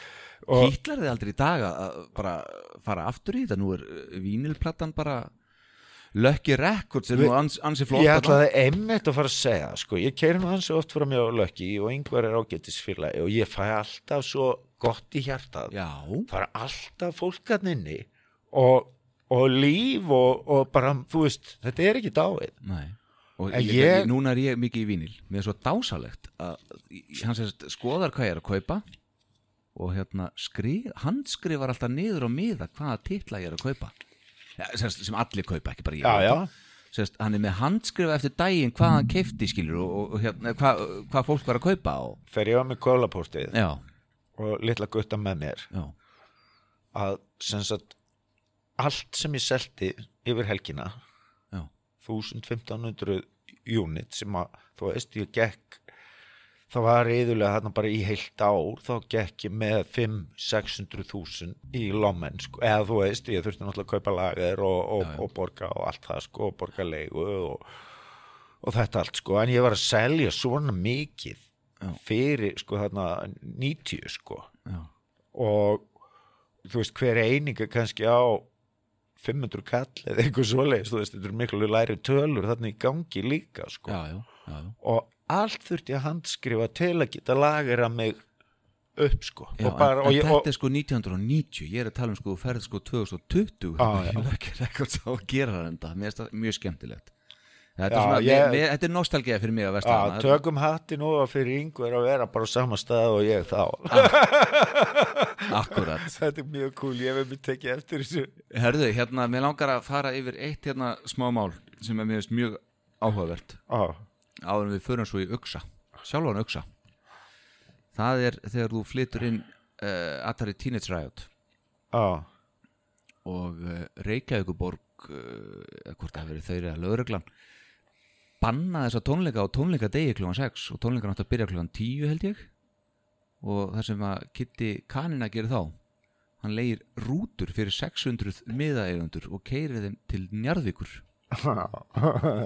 Þetta er eitt af aðtrið sem ég er hvað stoltastur af á ferlinum held ég. lesta ekki stoppa þig Nei, klukkan 5 á föstu degi þá segir bara löggan no, no. Ah. Og kerfið er komið upp upp í vörðuskóla sko. Og 600 og, með minna það eru 650 með að seldir. Uppselt. Og þetta er held ég eftir uksa sko, þú veist. Nú er þetta eftir. Já, það er kannski er þetta á undan. Já, ég veit það ekki, en förum við þetta fyrst þá, skiptir ekki máli. Já, skiptir ekki máli, þú veist, ég aðeins reykaður í ártölunum og þessu öllu sko Já, og helvítis hérna tvíburarnir Arnur og Borgar sko að þeir höfðu sett áfengisauglýsingu inn á plakatið eða eitthvað bjór og það gerði bara allt vittlaust og, og það var og ég hafði aldrei lent í sagt því að fá bara nei alla leið. Að það sagt á þessum árum þá gæti maður jöðast þá getur maður náði bara í gegn ef maður var nógu góður jöðari þú veist svona Jakob Magnússon stílinn sko. Já. bara nei er ekkert svar og, og þú veist það hlýtur nú að rætt að finna ykkur að leið hérna fyrir rauðadreilin. Já, og, og, og hérna en þarna var bara þvert nei og ég náttúrulega bara í sjokki sko, shit. Þegar ég er svo sko í, í hjarta mínu er alltaf sko kunnin í öndveginu sko. Þú veist, ég vandaði mig alltaf við að velja plötur í kunnana mína og passa þeir sem sagt, ertu nú alveg vissum að það finnist þessa plata góð? Mér finnst hún ekki góð, en þú mátt alveg kaupa hana. Ég get alveg verið þarna sko. Já, og ég tek bara upp síma. Ég var yfirleitt með tvo síma. Þetta er fyrir GSM síma og það allt sko. Og þarna var ég með tvo síma og ég tek bara upp síma og ég þurfti náttúrulega fyrst að finna stað. Já. og ég ringi á nokkra staði og, og, og nokkra klukkutíma hérna, já, það eru fimm tímar í já, sko og, og sem sagt það þurfti að taka gýrin út úr uh, vörðuskólanu líka sko, Martin var komið með já, þetta lítur að verið eftir uksa sko, því að þarna er stóra kerfið hans. Þetta er Martin MP Sound. MP Sound sko. Og, og það hefði, þú veist, ef, ef, ef, ef Óli Ötur og, og gengi hans þetta hefði aldrei gengið ef þeir hefði verið þarna, þeir hefði bara sagt, nei, þetta er ekki tækt, þetta er ekki ger en bandið herruðu, það er búið að færa ykkur í það er hérna, bandi var æðislegt sko, en helvitis fucking umbóðsmaður en ég var næstu búin að róta hann maður. Já, hann ætlaði að fara að gera vesen maður, ég er búin að redda öllu þú veist, í alveg adrenalín gósinu, svo ætlaði hann að vera að ræðla í með maður, ég var alveg bara, þú veist. En, en þú tapar ekki eitthvað á þessu að flytja alla í einhverjum rútum til Njarvíkur fram og tilbaka meintilega veistu það sko að það hefur bara nákvæmlega engum máli skipt? Jú, ég menna að leiða svona rútur hefur kostað 200-300 skall í viðbót maður og, og ég gerði hlutin og nánast alltaf þannig ég var að selja svo ódýrt inn að, að það var eiginlega, þú veist, ég var að boða byltingu, ég ætlaði að gera Ísland frægt og ég ætlaði bara þú veist, að bjarga okkur frá nakkanum og þess vegna stopna ég hljómalind, þú veist, í stríði við Selfoss, bara reynd og klárt stríð, sko buðfálaskotnir og, og, og sítað aftan og aflita hár bara nei takk þú veist. Ekki það bara. Þannig að þetta er farið vel. Já já þetta fer nú yfirleitt allt það sem Herru, þá skulum við bara snúa okkur að máli máluna það er Uxi. Uxi 95 það er nú alveg eitt legend örglega svona eitt af þínum stæstu verkefnum eða ekki? Legendary stöf Uxi 95 haldið á kleifum við kirkjubæðaklustur Jú. Hva, af hverju þar? Uh, við eiginlega hrögtumst þangað þetta var nánast að detta upp fyrir þegar að þegar eina melags sem sagt gamli Medús og vinnu minn og, og Sigumúli uh, fréttir af hrakólunum sko Uxi Uxi fæðist ef, ef við förum bakum aðeins og, og, og, byrjum aftur. Mhm. Uxi fæðist út úr samstarfi við drömklöp við tökum hérna drömklöp og komum með drömklöp meðal annars til Akureyrar. Já, ég manna því. Já, ég held það hafa alveg verið 200-300 manna gegg sko, alveg dundu gaman sko. Já, og og hérna og, og sem var svona dólti breakthrough sko því að, að, að það var alveg pjúra tekno og engin sætur palli að syngja eða neitt svoleiði sko þú veist. Að þess að gælurnar upp sko. Og og við sem sagt byrjum að kokka þetta þarna upp ykkur tíman um vorið, þetta er svona skyndi hugt þetta og, og, og, sem sagt drömklöpp gengið, Nina Walls uh, Seibretts útgafan, hún er hún og drömklöpp gæðinir eru tengd inn í öll þessi bönd Orbital, Underworld, Chemical Brothers og Primal Scream og, og hérna Angul, sem sagt uh, Moax útgáfuna James, Lo, uh, James Lovell.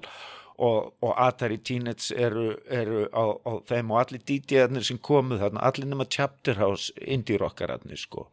Og ég hef alltaf verið rockari sko þannig að ég vildi ekki að þetta erði bara teknoháttið sko þannig að ég vildi indie band og og, og hérna og ég vildi hafa líka sko þú veist uh, íslenska rockljónsveiti með. Þarna voru Olympia niður og, og ég meina GCD og síðanskinn Soul voru á, á auksa sko. Já, já. veist þetta og Bubbleflies. Bubblefly Páll. Óskar, GCD, Unun. Ég meina line-upið er svo flott í dag þú veist Já, það er nokkri dánir náttúrulega Jói úr Lúk en Lúk er eiginlega fyrsta íslenska hljóðstin sko, sem kemst á stað út frá Uxa sko. þeir komast þarna í samband við Volume og fengur lag þar og, og síðan skömmu síðan komast Guss Guss í sín sambönd og, og þú veist hjólinn fara að ganga hjá fleirum heldur en bara sigumúla klíkunni sko. Já. þú veist, það er byrjað að, að opnast allt. En, en að Uxa við sem sagt og við ætlum okkur ekki að fara í samkeppni við Vöslunmannhelgin við ætlum að gera okkar hátíð þetta átt að vera pjúra tónlistarhátíð og bara allt, allt annað heldur en útihátíð. Og við ætlum að gera þetta fyrstu helgin í júlí. Og við förum nánast bara um allt land að leita að landi og kynna áform okkar. Og um þetta, þú veist, þannig erum við búin að gefa út ekstra blaðið og, og, og, og, og sem sagt við gefum út uh, skömmu fyrir auksa blað með fyrstu grein sem er skrifið um ecstasy. Grein sem ég let ég eiginlega skrifaði en var með leigu penna á henni sem hún var ekki nöfnuð mér. Og ég er rittstjóra ábyrðmaður á blaðinu og, og það allt og, og þetta er semst ekki svona grein með hauskúp og beinagrind og þú bara deyrið og tekur dópið og, og þú veist, þetta var ekkert svona eitthvað legagrein heldur bara, þú veist, passið ykkur á þessu, ég vissi að krakkarnir voru að taka þetta. Þannig er ekstasi bara svolítið nýttið ekki? Já, ekstasi er bara að koma sko og ég er að gera DJ gig og þess áttar og, og, og, og verða var við það að fólk er að taka þetta og, þess áttar, ég er blá eitthvað á þessum tíma og ég sá ekki ekstasi pillu live fyrir 2003 eða eitthvað álíka sko og og hérna og þarna er eiginlega að byrja sko sem sagt fíknefnalust Ísland og og ægileg ægilegar ofsóknir sko. Refsirammin er hækkaður þarna á árum alveg gífulega sko. Menn fara að, að, að fá 10-12 ára fangelsi fyrir fíknefnasmikl löggan fyrir algjöru offari í kreditsíki og, og, og ruggli bara þeir eru að stoppa uh, til dæmis uh, hérna ekki Key og Brexit sem var að fara með 70 stekstast í pillu til bandaríkjana og, og, og þeir vildu endilega handtaka hann fyrir að smikla því til Ísland sko. Það var bara það var bara millilenda og blessaði kallin það var vistaður á Akureyri. Já, já, og það, það var nú fræg en koma þessari Það er annar þáttur. Já, þú, þú, þú, veist, ég bara tala um þarna er komið í gang algjört rugl sem sem að við erum kannski súpa segðið af því að, að krakkarnir sem að lendu í ofsóknum á þessum tíma, krakkarnir sem að foreldrarnir hendu í meðferð á þessum tíma, þú veist, óhernaðir úlingar að, að fara í meðferð með hörðustu sökur um landsins og þannig var bara beinn og breiðu vegu til glötunar sko. Og þetta er kannski kynnslóðin sem er búin að vera að hrynja úr ofneyslu á læknaskildum eitulugum hérna á Íslandi undanferðin ár. En það er kannski annu saga en, en hérna er bara að, að í að ákveðni hugmynd sko að í upphafi skildi endin skoða og við fáum oft hlutina í bakið ef við gerum svona stóiskar vittleysur eins og að, að mínu mati við höfum gert allt rámt í, í sambandi við þetta svo kallaða war on drugs sko, svo má segja. Og augsi, og þess vegna er ég að tala um þetta vegna þess að augsi í sjálf og sér nafnið sko, exið þarna, ecstasy þú veist, augsi, en augsi sko hljómalindi skýrð í höfuðið á hljómsdynni hljómum fór á Keflavík Rúnar Júl er mitt fyrsta átrúnagoð og, og ég kynnist Rúna 1988 og, og með okkur takast tókst bara perlu vinnáta sem endist fram að dánadegi hans og og hann var mér bara, þú veist, hann var guðfæði hljómalindar og, og ég gerði aldrei nokkuð hlut á þess að á þess að tala við hann um það sem ég væri að fara að gera sko, og fá blessunas og, og frægasta lag hljóma heitir Þú og ég og, og, og, og sem sagt UXI er Þú og ég Journey to the Top of the World Já. þetta var svona leini brandari hjá, við rúnum vorum oft með svona leini brandara sem engin skildi nema við bara Já. Og, og nafni gekk vel með X-inu og X-kynnslóðin og allt þetta sko, ecstasy náttúrulega út af við vorum að kynna dóp á Íslandi nýtt dóp og, og en við lendum sem sagt í þessu fíknefnalausu Íslandi meira hátar ofsóknum og og erum bara með fíkn og stöðut á eftir okkur og, og tíu dögum fyrir hátíð að, að þá verður allt vittlust þá voru samtök hérna sem að Valdimar Jóhannesson fór fyrir klippi krumla, frægur ofbildiseggur og, og ógeð en ég ætla ekki að fara út í ærumeðingar hérna en, Já, hérna. en það er sem sagt þekktur ofstupamaður og, og idiot og, og hann var þá fyrir samtökum sem héttu stöðum úlingadrykkjuna og og verndari þeirra samtaka var frú Vigdís Fimboðadóttir Fosset Íslands.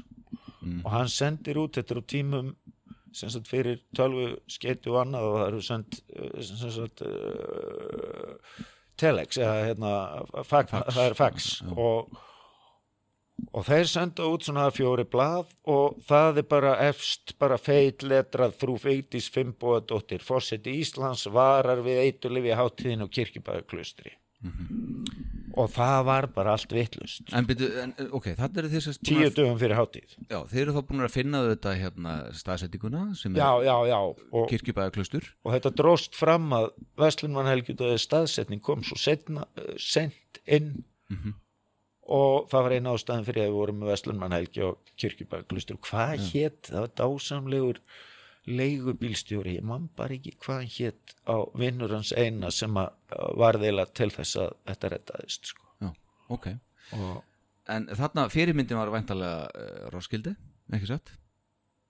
Uh, jú, ekkit frekar það heldur en annað og, og við vildum við vildum marka okkur svona smá spes vera með ég menna hljómalind stóð alltaf fyrir nýja óþægta músík og, og koma með Já, eitthvað nýtt. Já, já, og ég vildi miklu frekar keira á því hljómsuti sem áttu að spila á hugsa og voru sem sagt ef hugsa hefur verið í byrjun uh, júli eins og uppalega stóð til þá hefur bæði Chemical Brothers Underworld og já, að bæði þessi já og, og, og, og hérna KLF, skulum ekki glemma þeim. Þeir áttu að vera á hugsa ætla að koma skriðdreka sem var búið að breyta í hljóðkerfi og þeir fengu síðan ekki flytja nú landi út að þetta var enn skráð sem hergan veist, þetta var Já. komin nýr á bryggju og allt og þetta að vera þarna eimskipafélagin og aftur tilbúið í aksjón.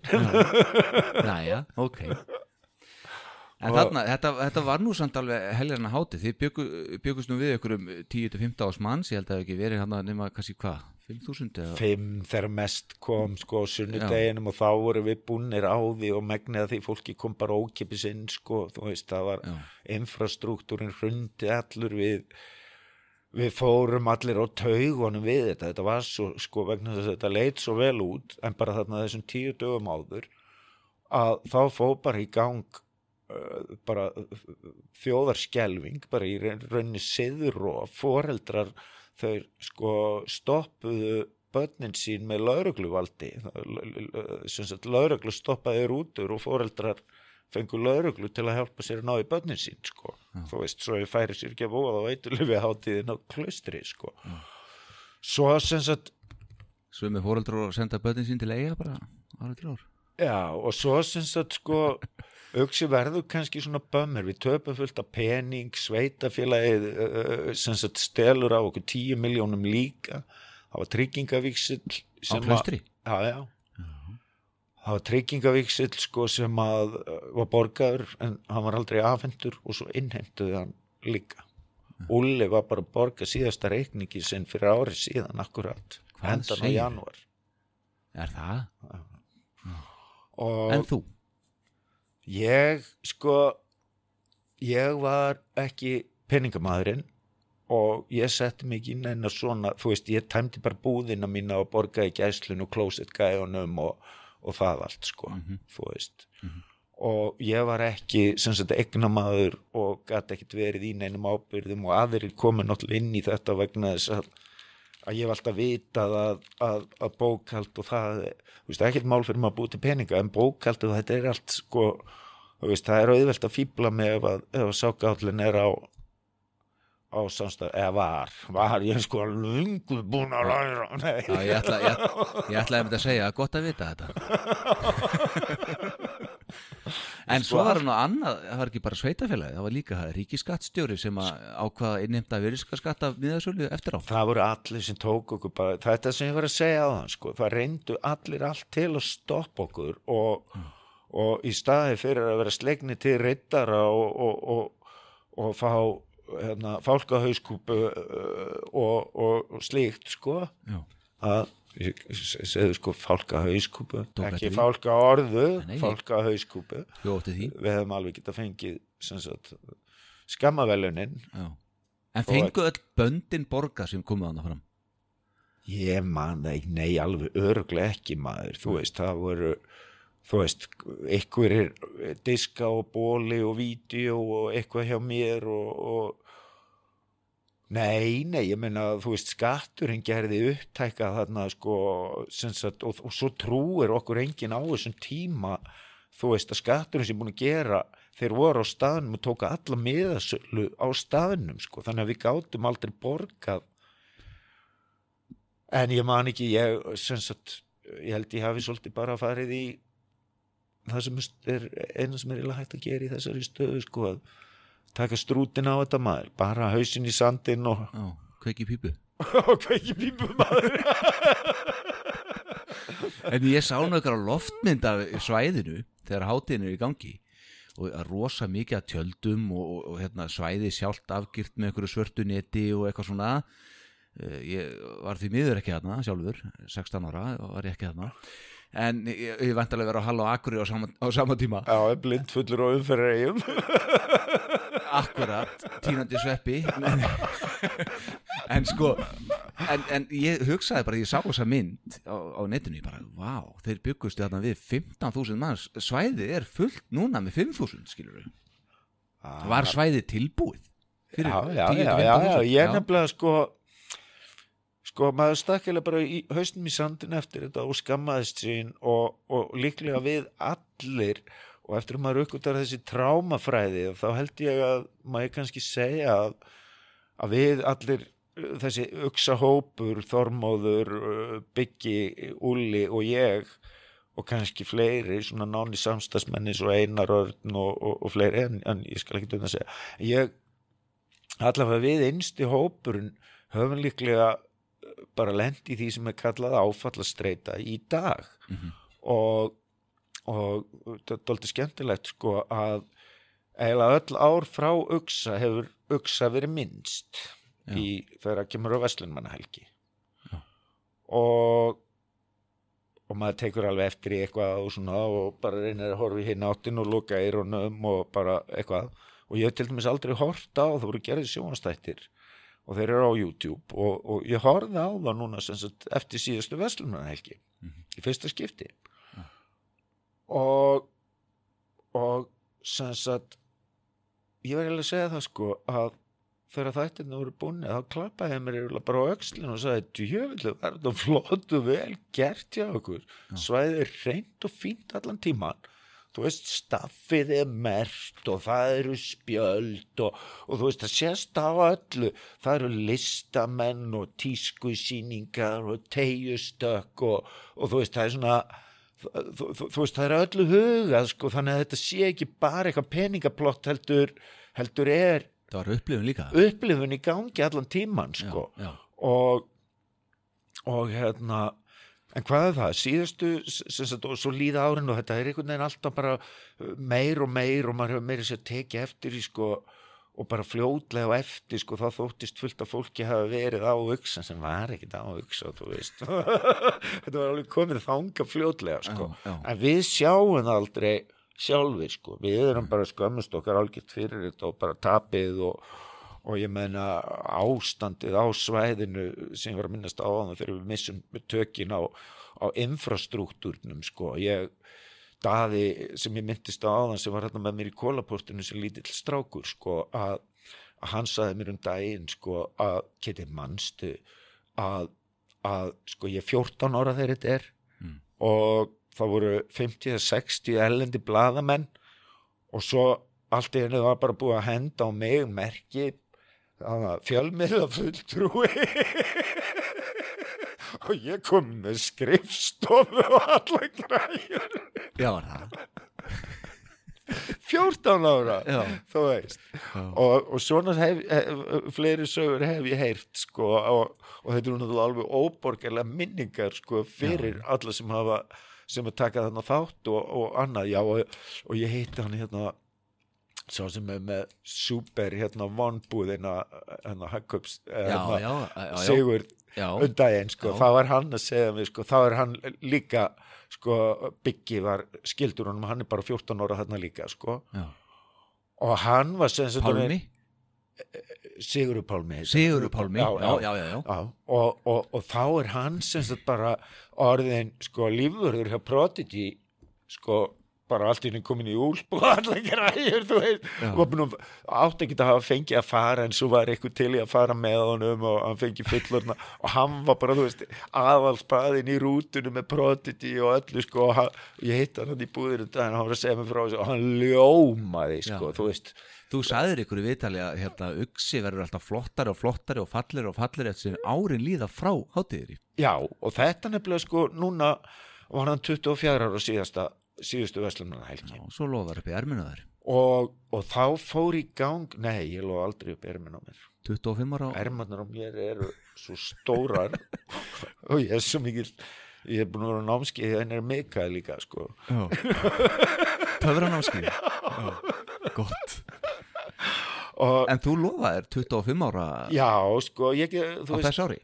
Já, þannig er sko að að sem sagt lemurinn ég er nýbúin að lega þrasta sko upp í, upp í Grímsnesi við sóið og býr þar?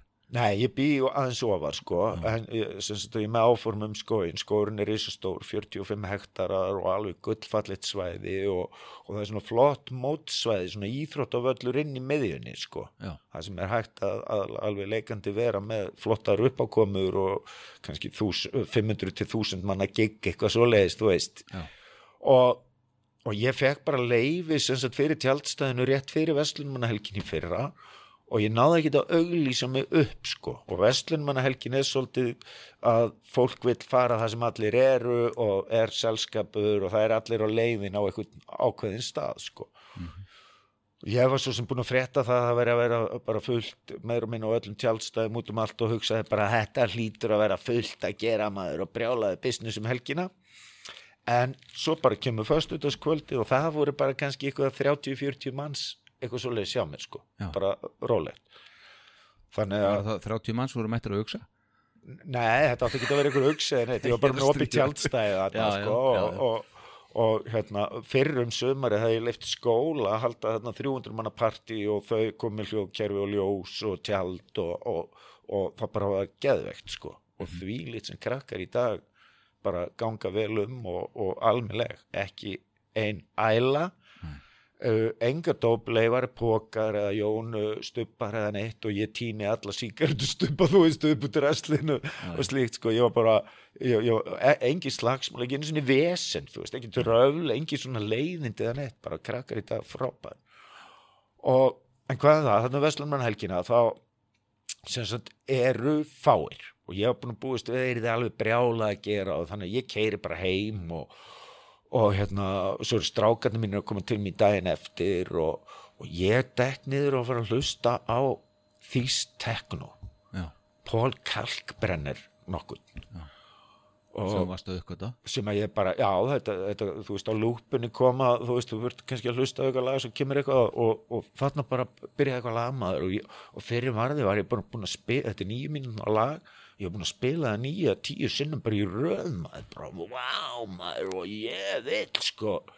Hérna, þú veist, mér langaði að fara út og, og, og reyfa í skóin, sko. Sá náttúrulega alveg skóin mér fyrir með maður og svo les ég einhverja, einhverja minningagrein á lemúrnum um um uksa og það var vera eitthvað í dagblæðinu og, og sumir eitthvað búin að dagblæði hvort þeir voru að uh, svona gamlar glemdar útiháttíðir eða eitthvað og þá, þá kom bara tilbaka uksi sko ekki glemdur og það var bara svona statement og og ég í mínu, þú veist tekno í heimamaður og ó, Jesus, hvað er gaman að vera að reyfa gullfallet veður og þú veist, hvað er gaman að vera að reyfa í skóginum maður. Og svo sé ég sem sagt þannig þráð og, og heyrðu pott þett maður. Þetta gerum við bara þú, veist, partí á næsta ára þá er ég bara með eitthvað 500 eða 1000 manna dæmi í huga sko, Já, já. þú veist. Og og svo bara fyrir hann varði var þetta bara komið í alla fjölmil og fréttir Já, og þú settir inn á Facebook hjá þér eitthvað um þetta og, og, og menn voru að- lepja þetta upp þaðan Já, þetta bara fór eitthvað ból og ég náttúrulega átti aldrei von, þú veist, maður er bara búin að vera svona, þú veist, og skamma sín fyrir þetta og, og í rauninni það sem að maður feysar þarna er þessi, sko,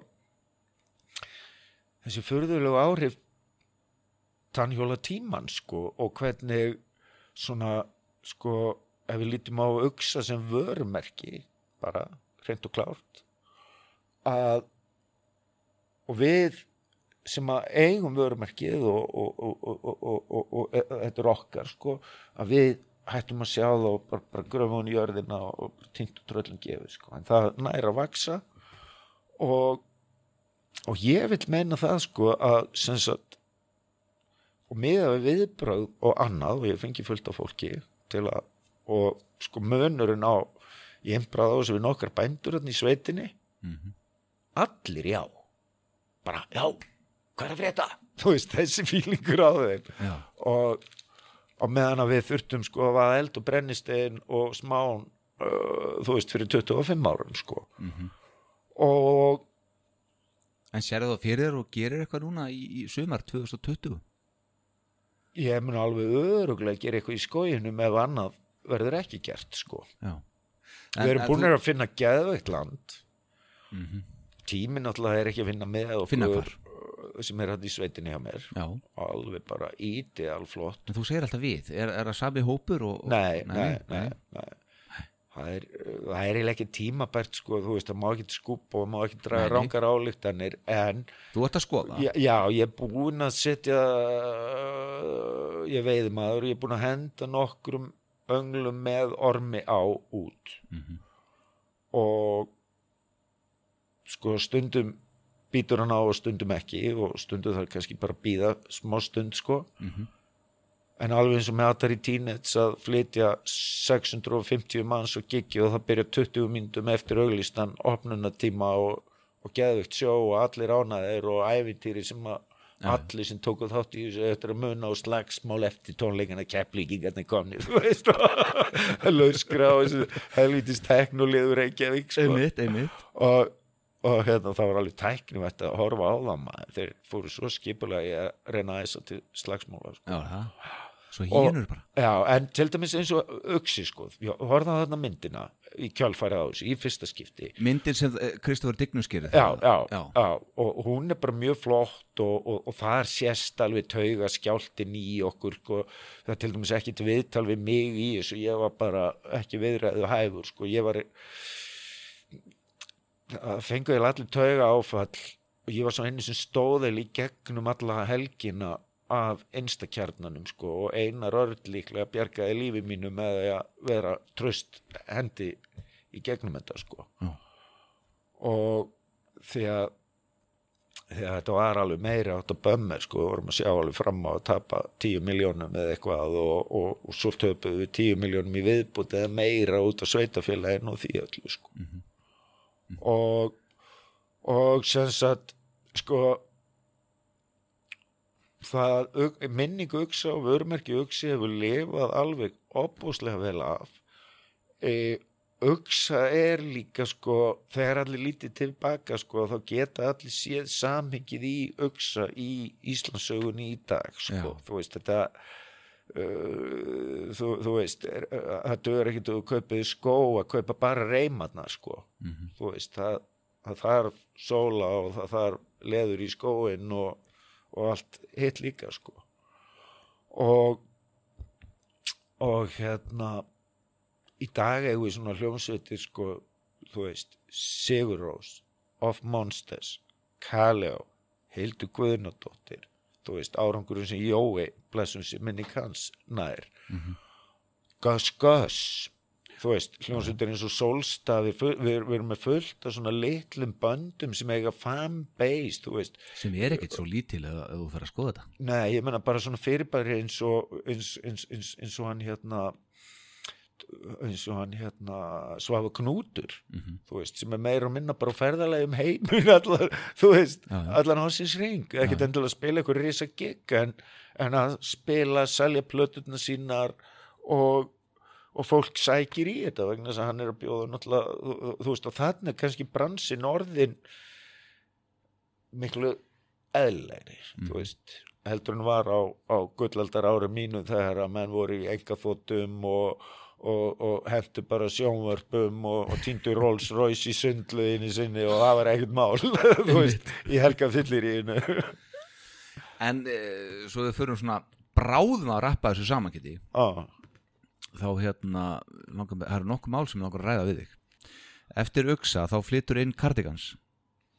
Á, árið síðar. Á og hérna heldur ykkur að tvenna tónleika þetta heima það hérna vonandi gekk bara vel, ekki sett já, já, já, flott. Uh, svo það sem ég langar að ræða við þig Sigurús mm, þú ert umbóðsmaður Sigurúsar þú ert náttúrulega hérna viðlóðandi smekkleysu og ert umbóðsmaður hérna Sigurúsar ég er náttúrulega löngu hættur í smekli Já, þú ert búin að vera viðlóðandi smekkleysu og þeir eru þar á málum og, og hérna, og þú verður umbóðsmaður þeirra Ég verð umbúsmaður sigur og svo líklega í apríl, mass apríl, þannig ágætis byrjun kemur 12. júni mm og ágætis byrjun er svona á loka metrónum og hljómsveitin eiginlega í miklu limbói sko, trommari að hugsa um að hætta. Sem hann gerði.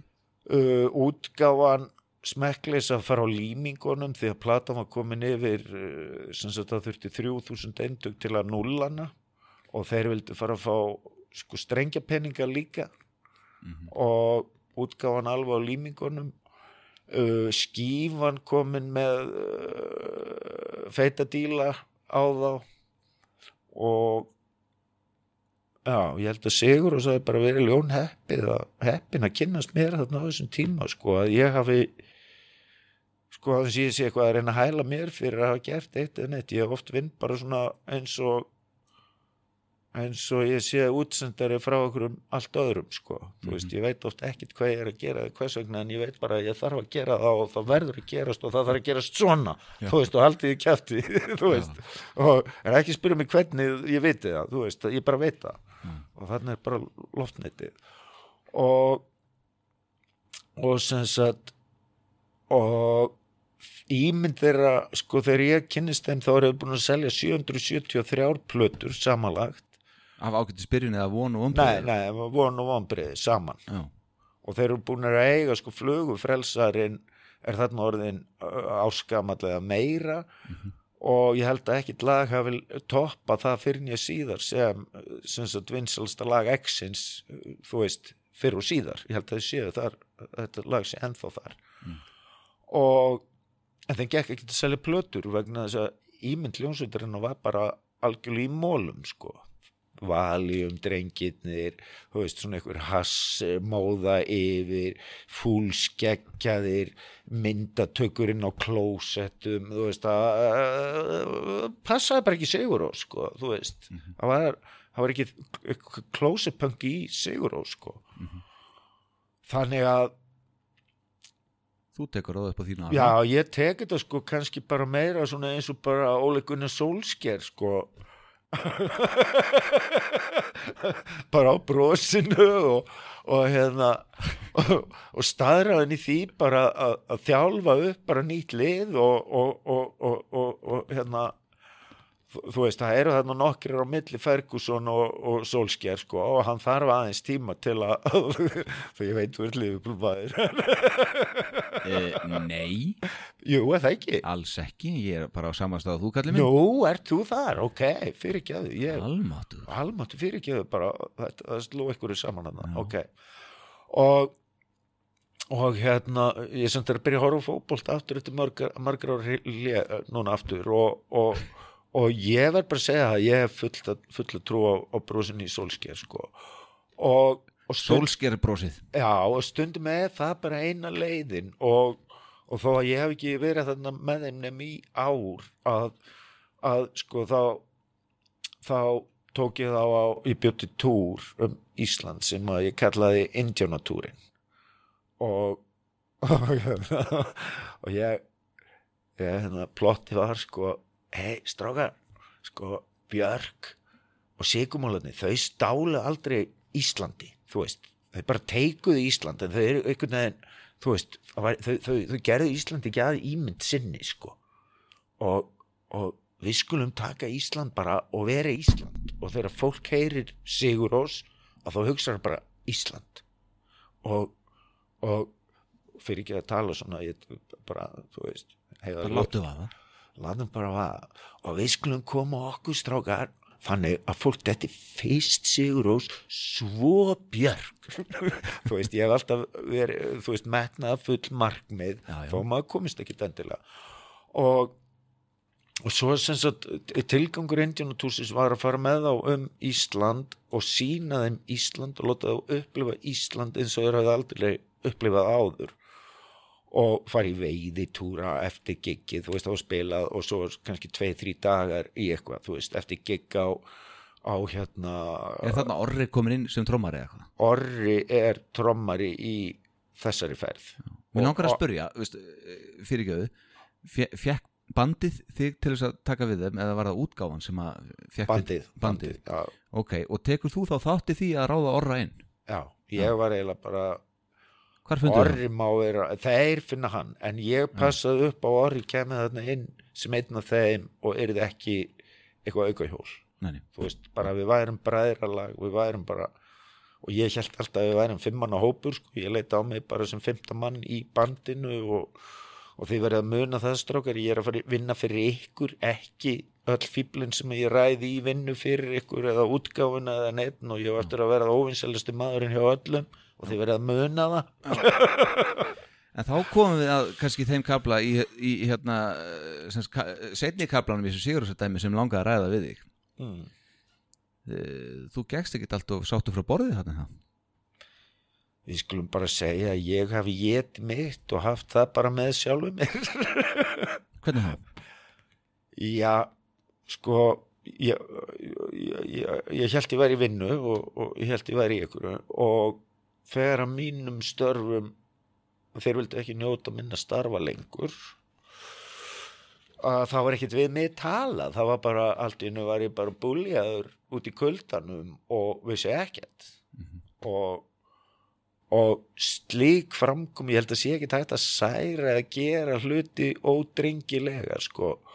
Og vegna þess að sko ég kannski ekki sjálfum mér umkent sko, því að ég vildi ekki gera skriflegan samning við þá og ég gerði bara handsalaðan samning við þá og, og, og horfði í augun á þeim og, og sagði þessi orða því verði að muna það strákar að það muni allir fara gegn mér á okkunnum tímapunkti og þá verið þið að standa klárir á því Já. og því að ég þekkti mitt heima fólk, þú veist, ég var að draga þarna til leiks, ég var að vinna með, mér tókst að halda þeim hjá smekklisu uh, sem útgefanda vegna sem ég þótt alltaf væntu smekklis og hefur alltaf þótt væntum um þetta fólk og litið á þessum vinni mína. Þó hefur ekki kannski alltaf komið þannig fram en það er önnur saga og og hérna og og kannski kom það mér í koll síðan að þú veistu, ég vildi líka sko geta komist í al- alveg eins og ég hefði gefið út Bubble Flies þarna nokkrum árum á undan. Og þegar á hólminn kom þá bara gæti ég líki hugsa með leðilega hlutverk að hvert listamannum að vera útgefandi þeirra, þú veist. Mm. uh, og á s- í svona viðkvæmu bransa eins og, og poppi það sem að eitthvað svona break event og þú veist, hvað er klokkan eða hvað er búin að selja margan blundum núna? Já, já, já, En, en, en þú veist, hva, fórstu fílu við Sigurós? Ég held ég hafi lent bara í svona nettu áfallastreitu stjarfa um nokkur mánuða skeið sko, þetta er áður maður veit hvað það er en eftir á að higgja að vegna þess að þetta var náttúrulega meitt þú veist að það var ég búin að skila flottasta starfi lífsmýns að mínu mati Já. og algjörlega óaðfinnanlegu Mhm. og, og kannski þeim alveg fyrir gefanlegt vegna að ég leta þá svolítið halda að þetta kæm allt frá guði Já. þú veist að þeir væru, þú veist, ég var Hva, að byggja hvaðan kemur það? Ertu trúaður eða? nei, nei, þú veist hérna hérna uh, þú ert að byggja upp fótboltalið Já. djöfull eru þið góðir strákar Já. þið eru langt besti, djöfull eru að taka byggarinn í ár Já. þú veist, taka þetta bara þá leið sko, þú veist, positíft hampa fólki bara út í eitt og, og, og, og, þú veist, ég var ekki að trana mér fram í hlutunum, þú veist Nei, svona, nei, nei. En ertu búin að fyrirgefa þeim? ég er búin að því, ég, já, veistu Og ertu búin að eiga við á samskipti og, og, Já. og spjall og, ræ, ræða þessa hluti? nei, bara við Gogga, ég ringdi í Gogga um daginn Já. vegna þess að mér þykir svo vænt um það og ég held þessi í krísu og ég held ég geti leist þessa krísu fyrir þá alveg eins og krísun í gamla daga Akkurat. En þeir eru klálega í það svo sterk já, ég fekk það svo sterklega í brjóstið sko að ég ákvað bara Og hvað sagði? Já, hann á eftir að svara mér aftur við ætlum að hittast núna fljótlega á nýju ári og, Ok. og, og, og ég held að það væri líka bara gott fyrir okkur alla að, að, að fallast aðeins í faðma aftur og, og, og Já. fyrirgefa sko ég eh, hell- ekki neitt, já, og, og, og sko til að losna við bituleikan sko Já. Mamma deyr 2008 Já. og og hérna og mamma var alltaf frú hljómalind sko. Þú veist, var alltaf með mér þegar hún var út af spítalanum og, og alltaf góðu vinnum minn og, og hjálpaði mér alveg gífulega í gegnum allt. Og, og hún vissi náttúrulega manna mest uh, kannski um fórnina sem ég færði fyrir Sigurós og Hljómalind og annað, þú veist, ég vann ekkit fyrir Hljómalind í heilt ár, sko. Þú veist og og þegar mamma dó að þá spilaði ég sem sagt tvö lög. Sigurósalög í útvörinni. í útförinni og, og þarna sem sagt, og ég gerði þetta meðvitað. Þetta er kallað hugrann atverðlismeðferð í dag held ég. Og ástæðan var að sem sagt að þegar ég myndi hugsa til Sigurósar þá myndi ég alltaf hugsa til mömmu og þá hugsa ég alltaf eitthvað fallegt Okay. og þetta virkaði Já. og En á svipuðum tíma þá er mitt, þeir gefa út lag sem heitir Hljómalind, já, já, já, já. 2007. svakalega Já. já. það var alltaf til sko og og hérna já, hlusta á þetta lag og alveg magna, ég horfði á já, þú veist um daginn hérna þegar ég var að fá þessar Sigurósar hugmyndi sko, um, þú veist þetta slær mér bara stundum svona eins og þú veist ég sé útvarp og bara, heyrðu, já, það er þetta sem er að og þetta er bara leist svona. Og, og hérna þá horfði ég á tværa þrjár útgáfur af þessu lægi lægútgáfu og myndskreitingar sem aðrir hafa gert við það. Það er ekkit official vídeo til, en það eru til þrjú, að ég fann þrjú og sem sagt eitt vídeo eða svona kjarnorku sprengja og, og kjarnorku tilraunir og þú veist svona fjúka eitthvað 60s, 50s dæmi sko, dálítið smart sko. Passa krafti lagsins og annað slíkt sko. En síðan eru hinn tvöð, annað er live og hitt er, er svona einhver aðdáðandi sem klippir. Og í aðdáðandan dæminu þá er nokkuð skot sem gætur og beint bara verið úr þrastaskói og bara woo og svo backdrop uh, sagt uh, skrautið í live-útgáfunni er bara tré og, og mjög fallegt sko En heldur að þú komið til með að leysa þessa krísu sem að þeir eru í núna? Skalalum 1-10, hversu líklegt? ég vistu það, ég ætla að setja bara á, á vonirnar sko, setja bara tíu Já, vegna þess að ég heldur eftir að, að hérna hlusta allavega að prófa að hlusta sko vegna þess að, að eftir samtali við Gogga þá veit ég alveg greining mín á öllu var rétt sko Þeir, og þeir kannski headlæna bara í, í þrastaskói á uksa 2000 og 20 það væri náttúrulega ekki til neitt fallegra sko Nei. og, og ég veit að fullt fullt af fólki búið að lýsa yfir að vilja vera með og hjálpa og, og ég er aðeins byrjað að byrja víur í útlendinga. En sko ammælis ára uksa er heilt ár. Já, já, og ég sé alveg eins fyrir mér að geta haldið, þú veist, fimm helgar í skóinu með 500 manns og, og þú veist, bara einhver lítill dagskrá Mhm. heldur en að, að, að eitthvað eitt stórt búm ek, já, og sprengja mig á því og, og, og, það allt, sko. En það er fullt af fólki sem að, að vill að þetta gerist og ég er ekkert í ykkur meira átt að hlaupum fyrir því eða skil mig skil ég, En- Von, vonum það besta. Vona það besta, þetta væri sko tölulega séð og allt er þetta bara og, symbolíst og uksi ef að vörumerki hefur sko, þessi bömmir okkar á sínum tíma ef að hann hefur lefað svona fallega af í 25 ár að þá held ég að Guð sé að segja okkur að við eigum að gera eitthvað með þetta. Já. og og enn og aftur Guð eða Sæði Baba eða Alla eða Þór eða hver það skiptir með engum máli en ég trúa er mátt Mhm. þú veist, Já, það er kraftar. Hvað sem það er. Herðu, þú ferð í smá fílu við bransan þarna, las ég eitthvað starf verður bitur og, og, og hérna ert nú búin að vera að vinna úr því. En þú stóð svolítið fyrir endurkomu sjálfra utakarsmanna svo líka. Já, það var eftir þetta það sem ég fekk alveg gubbuna sko. Já, var það eftir það? Lúto og Stefán heita uppsæðuru áðan Lúto og Stefán voru alveg ofsalega þakkláttir en, en hinnhópurinn að vanþakkláttar í kvikindi hef ég bara aldrei Já, aldrei kynst, bara allir hópurinn með tölu sko. Já, og það, þá ertu vantarlega að vitna í sjálfan Bubba Mortens og, og Pollock bræður og, og það allt saman aðalega annan Pollokkin Já, D. Pollock mm. og ég sko þögn og að gera ekki neitt er líka afstæða sko. Já, og og hérna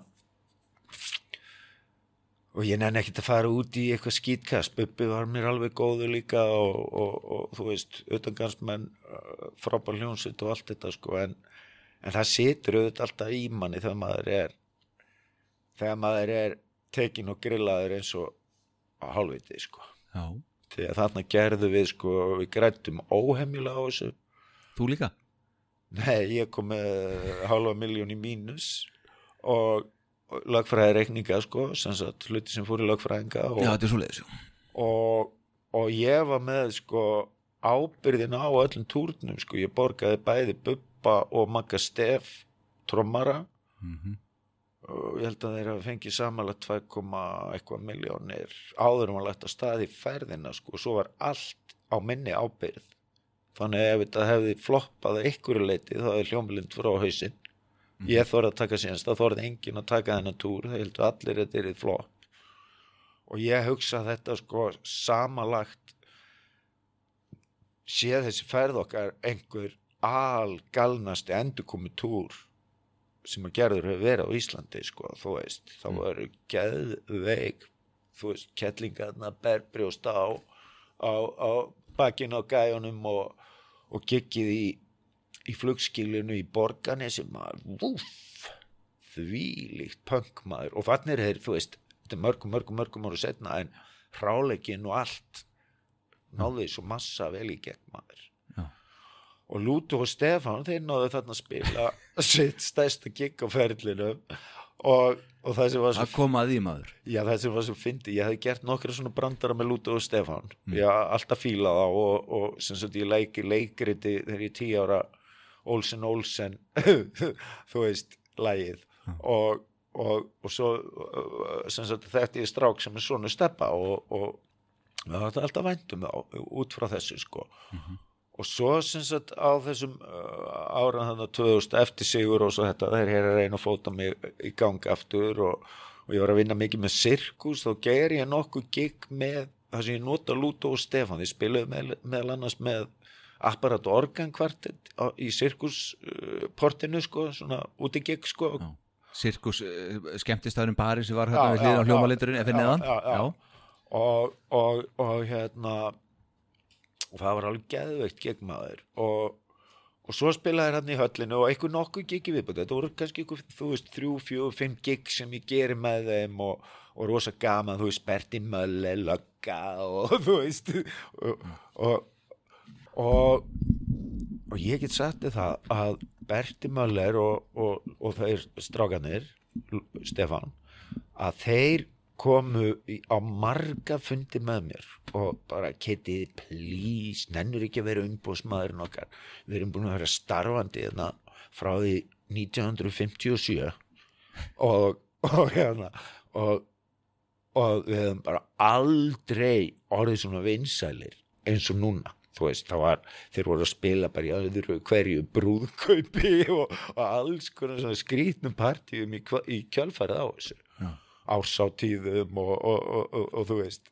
Brjálað að gera. Það var bara brjálað að gera og þeir voru alveg svona, fóru alveg bænar þú veist, á eftir mér. En, en þá var ég sem sagt endalega búin að fá nóg og í, já, eða feitaði bara þarna út og og svo Það er bara sveipið tíma að þú lokar hljómalindana 2003 já, og flyttur ekki út eða nei, ég flutti ekkit út, það var bara kjátt að Já, segja það var næsta spurning sko, því að þú sagði þér svo víða að þú ætlar að flytja til England Já, ég en svo sá ég aldrei neitt um það sko. nei, þetta var bara mín leið til að gefa fingurinn og, og það En stóð eitthvað til já, ég egnaðist þarna ennska konu og við vorum eitthvað að pæla í því og, en síðan fjall hún fyrir Íslandi og, og já, komum bara að tala í fjölskyldu og badnegnir og, Já.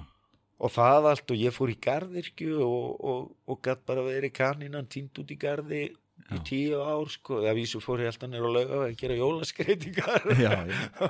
Það er náttúrulega svolítið fyndið að ég, sko, núna er januar þegar þetta tekið upp og ég hitti þig vantarlega í nóvember síðastliðnum, niður í miðbæ og ég vind mér upp að þér og, og, og við fyrir að tala saman og, og ég segi þér að, að þú sért að koma í þennan þátt hér.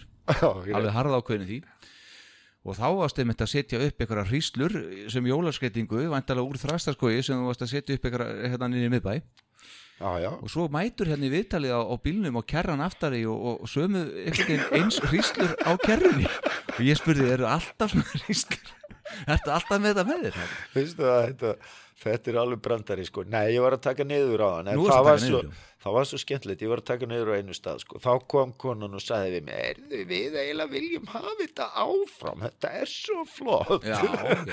en það er sem sagt, já, ég ég var að grísi henni í skogi, ég er að setja upp svona tjöld og ætla að setja upp svona glamping hótel þarna í gangi í, í skoginum og var aðeins að grísja og, og trén eru svo fallega myndi allt í huga að gera nokkra skreitinga fyrir vinni mína og svo bara streymdu pantanirnar að bara aukaðina já, þetta var bara, ég var bara í þessu setni part november og desember bara hengjum bjóla skreitinga líka á Selfossi og, Já. og alveg, þú veist gerða ábygglega 25 skreitingar eða eitthvað og, já, já. og sem sagt upp úr þessu það er komið enn eitt fyrirtækið ég er að stopna sem sagt það er ekki eins og ég sé að koma upp úr börnáti ég er svo klikkar en það er sem sagt það er búið að stopna nýtt fyrirtækið það er jólaskreitinga geta kanninu. Já, og ég ætla að taka bransan í nefið á næsta ári. Já, Nei, þessu ári.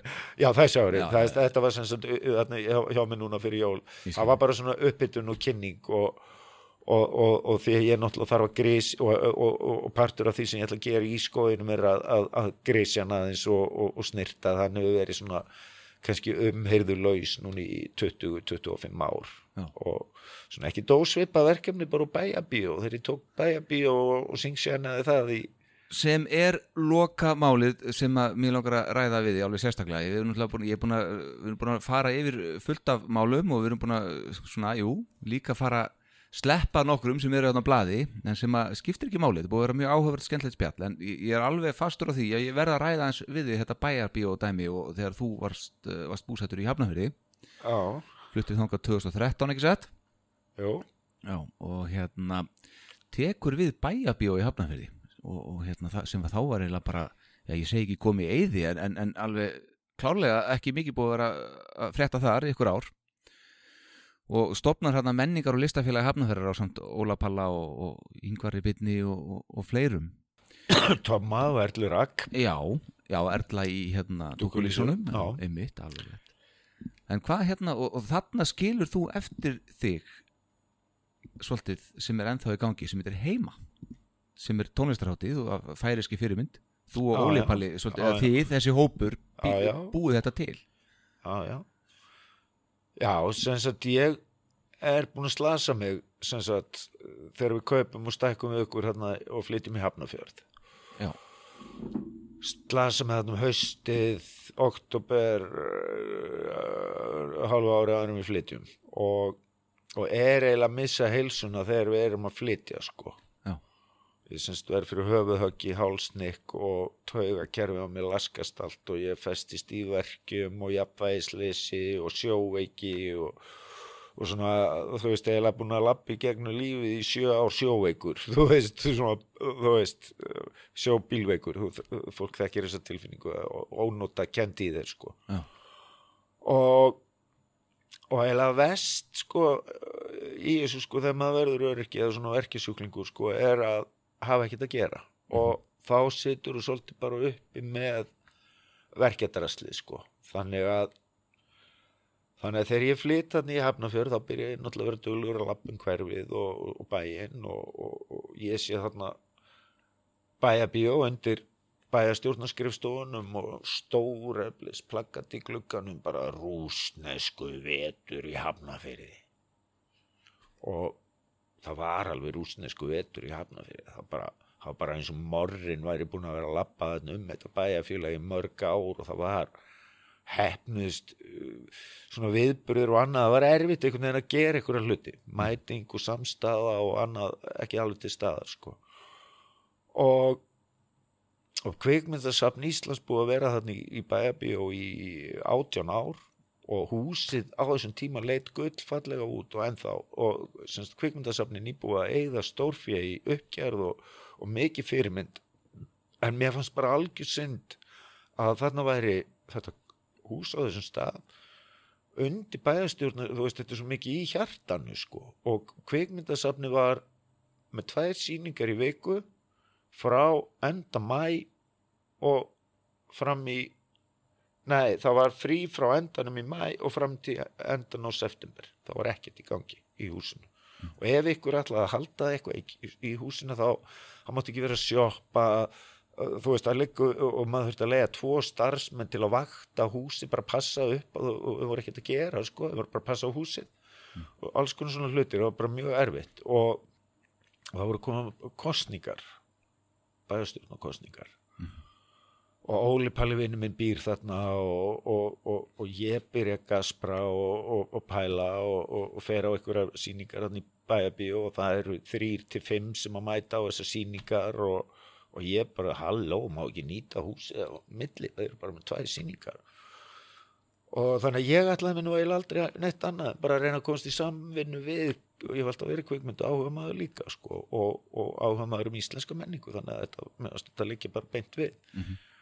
En einhverju hlutu vegna þá tóks mér að selja pólitíkinni í bænum, svona þver pólitíska hugmynd. Og um sund verður við bara að vera sammála, það er ekkert menningamál eru þver pólitísk og bla bla bla fór ég all frambóðinn og, og, og kynnti bara að þetta væri mál sem að við þyrtum bara öll að vera samstíga um að, að og ég hef með fleiri hugmyndir að svona bæjarháttíðum og þú veist ég gerir draugabæ, ég gerir ástóru kæliksbærin hafnafjörður og og, og þú veist fullt af svona hlutum sem hafa alveg lifað sko, Palli er að gera þarna þú veist tjaldháttíðin hans er búin til upp úr annari hugmynd sem við vorum búin að breyta ganga og svo framvegi sko en allavega þá breytum við þarna húsi úr því að vera að fá 500 til kannski 800 manns á ári í heimsók í það að vera 30, 40, 50 manns á mhm. ári mm -hmm. og ég var nú bara þarna tvö ár en ég sagði við þurfum þrjú ár til að þetta gangi upp og ég held að Palli hafa akkurat fengið árið þegar þetta byrjaði að gangu upp og, þú, sóttur, þú sóttur um aftur þá? Já, ég er bara pólitík og pening þú veist þegar ég hef búin að sína að þetta væri hægt og peningamenn komnir í og Já. Palli fekk allt sem ég baði um en ekki var hægt að gera fyrir mig þú veist þetta er bara skýtlegt eðli pólitíkur þú veist þegar hólminn kemur er mm -hmm. En heima, háttíðin heima sem er enþá í gangi og, og er frábær hátíð og komin upp á Akranis núna og Óli Pannandur fluttu þanga og, og tókut upp þar eh, með þér líka eða hvað? Já við fórum og fund þegar við gerum fyrstu hátíðin upp á Akranis og stóð alltaf til að ég vildi smitta þessu bara sem víðast sko. Veist, þetta er Fyrir þá sem ekki vita, þá er þetta bara tónlistarhátíð sem er bara á heimilum fólks og, og og hérna stofin er bara breytt í, í, í tónleikarsal Já, þetta er svona eins lítið og krútlegt og sett og það getur orðið og skapast alveg gífulega skemmtilega nánd ef að Þetta er frábær stemming sko. Ég sem íbúið þarna hefna verið að lappa um og veist í góðu veðri, þetta er síðasta vetradag það er ekki alltaf já. gott veður en þegar það er það er æðislegt sko. Já, já, þetta hefur alltaf hefnast vel og, og bara og, já, ég menna ég lappa bara sáttu frá borði ekkert endilega sáttu við pólitíkin í hafnaveri mér þótt uh, þau alveg hafa, með að hafa meira bein í nefinu og, og sína meira aðeins stöðning ég var náttúrulega bara búin að spæna mig raskandi og komin ég enn eitt börn á þetta og þurfti hjálp þú veist. Já. því að líka sko félagið þú veist ég alltaf átt erfitt með að býða og, og hérna, þú veist hlutinni þurfa að gerast og, og, og heila þegar við fáum leiklana já ok drýjum okkur að byrja að gera og þetta kostar? Já við vissum það alveg, þetta kostar þetta. Og þau, sem sagt hópurum var svolítið svona tregur af stað. Og ég heila bara sagði ok, eru þið ekki bara til að vera þá ekki fyrir og ég skal bara já. og þannig heila þróaðist þetta sko að, að þetta var enn eitt sóloverkefni hjá mér og, og svo kerið mig bríkles á því sko. Og og en hún var ég að lært eitthvað smá.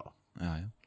ég var að passa mig bara eftir jólaskreitingarna fann ég, þú veist, shit heilsan á mér er ekki góð sko. Já, það? Vá, og svo erfitt sko svona taugaverkir er svo Veist, þetta er, er ekki tætt að nutta þennan stað því þetta er þarna núna og svo er þetta kannski hérna veist, þetta fer um með eins og norðurljós bara. Já, já, já, og og burnout er bara eitthvað sem allir verða að taka með í reikningin sko, þú veist ekki keira sér í klassu sko því að, því að líka þegar þú ert komin inn á hættustíðin sko þá kemur domsgrendaskortur sko. Mm. og þú bara fer að bæta á þig jafnvel verkefnum heldur en að minga sko. Mm -hmm. þú veist, fólki sem að fer að reyna að hjálpa þeir að stoppa þig sko. Það er ekki þessi byllum að ég geti þetta þú veist ég endaði eða bara í gólfinu nánast armagna skrýðand um heima á mér í nokkra mánuði sko Eftir þetta? Já, mm -hmm. bara þú veist og, og, og jú, þurfti að býði hálft ára eftir að komast inn í hveragerði síðan og hveragerði hjálpaði mér mikið og gaf mér mikla likla í áframhaldið og og kannski trú á helbreyðiskerfið aftur, ég var svo, bara trámaður að eiga við kerfið, ég er að veikja slíku sama tíma og allir átt að vera svindla samkvæmt einhverju danskri skoðunarkonnun sem var gert sko. já, já, já, og það fóru bara í gang ofsóknir og, og Þú varst bara svindlarinn um að annað verið sannað. Já og, og það er ekkert sárara en að vera veikur og þú veist, þér er ekki trúað og og þú, þú veist, æ, það ert ekki að þessu væli. Það ertu bara döglu, þú farað bara út og lappa sko. Og, og verður duglegur í dag en þú varst í gær.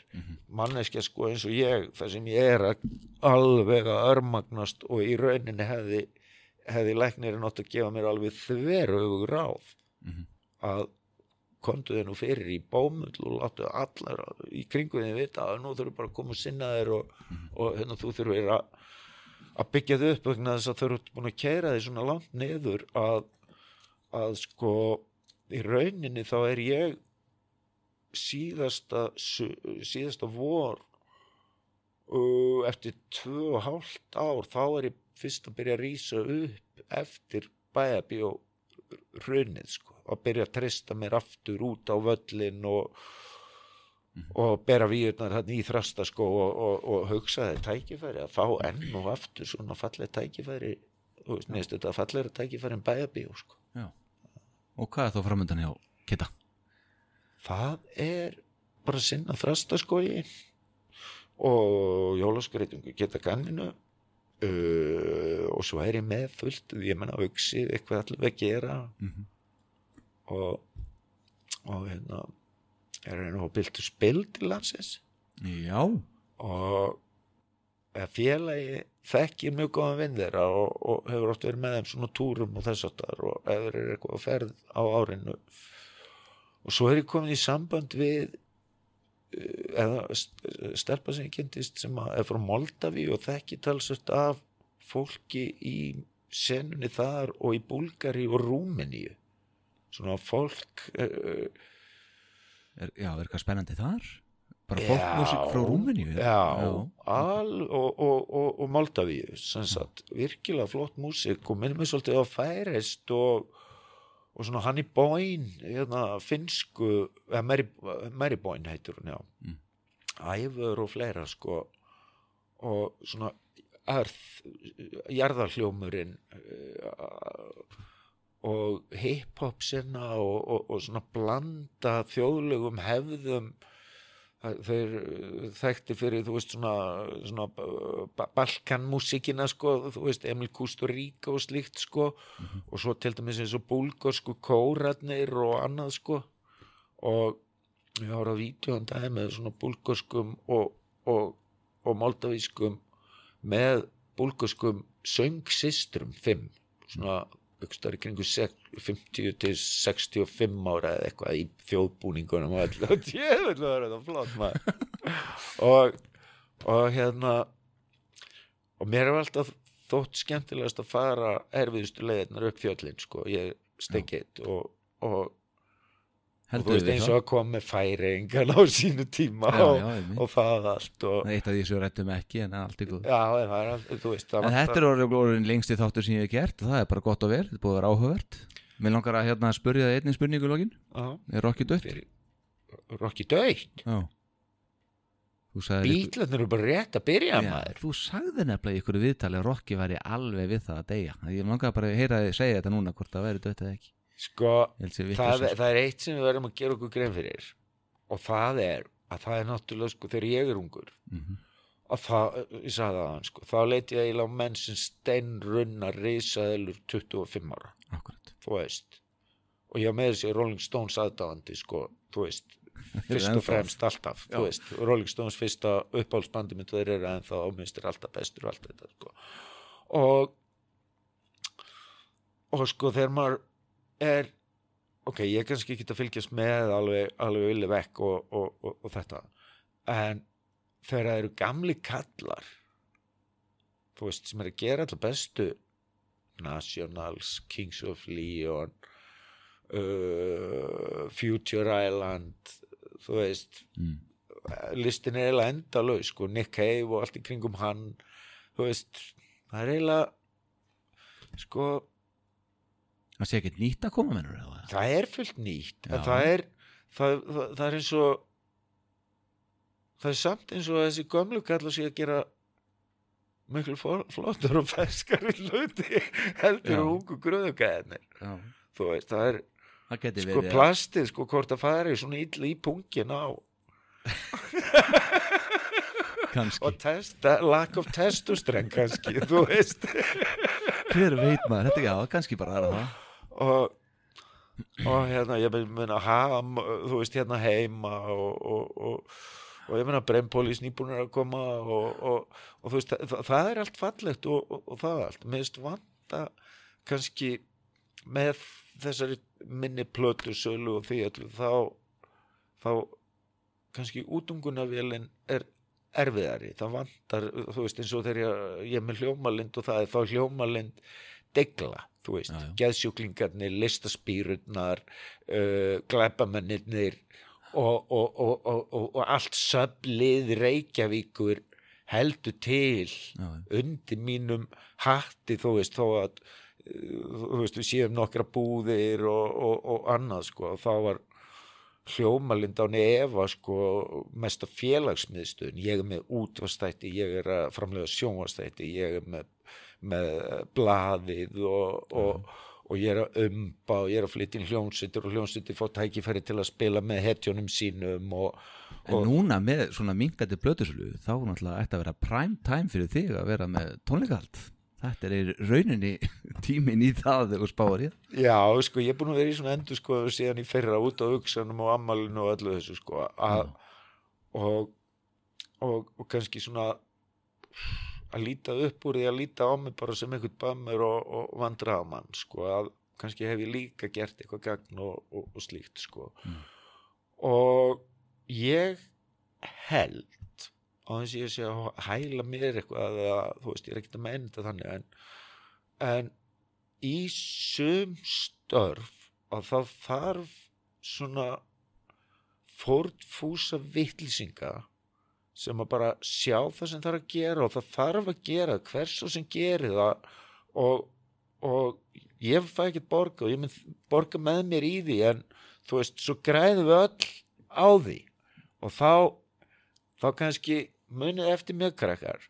En, en færingarnir þeir hugsa þannig en ég ekki íslendingarnir. Þetta voru bara frábær lokaorð í alveg einstakt spjall við mikið legend Kristín Sæmundsson Kitty Hljómalind, Kitty Karina Kitty Kúriki Kitty Uxi Já, ég var svo kallar Kitty Hestur í, í, Hestur. í, skóla sko af, af, af krökkunum sko Já Það hefur sannlega verið eftir leikum tíma í styrtugljóðunum eða hvað? Það var hlauparinn ábyggilega. Nú, já, já. Á, þú veist, ég, og slagsmáðu, þú veist, ég var, svo, ég var svona eins og hjálkur eins og dráttakláring, ég gafst aldrei upp, sko. Já. Þú veist, ég er í breyðoltið þarna á, á gullaldar árunum og það er, ég hugsi, ég hef slegist, sko, tvo, þrjá slaga á dag frá 6 ára til 12 ára, já. 13 ára. Já, og ert í rauninni ennþá að því. Og hefur ekki gefist upp, Kitty takk helga fyrir komið í leikningavelin og ég ætla að vona að hérna þú verður duglega að hlusta. Já, ég er hlakka til að er þetta byrli okkur. Takk helga fyrir komina Já, takk sem leiðis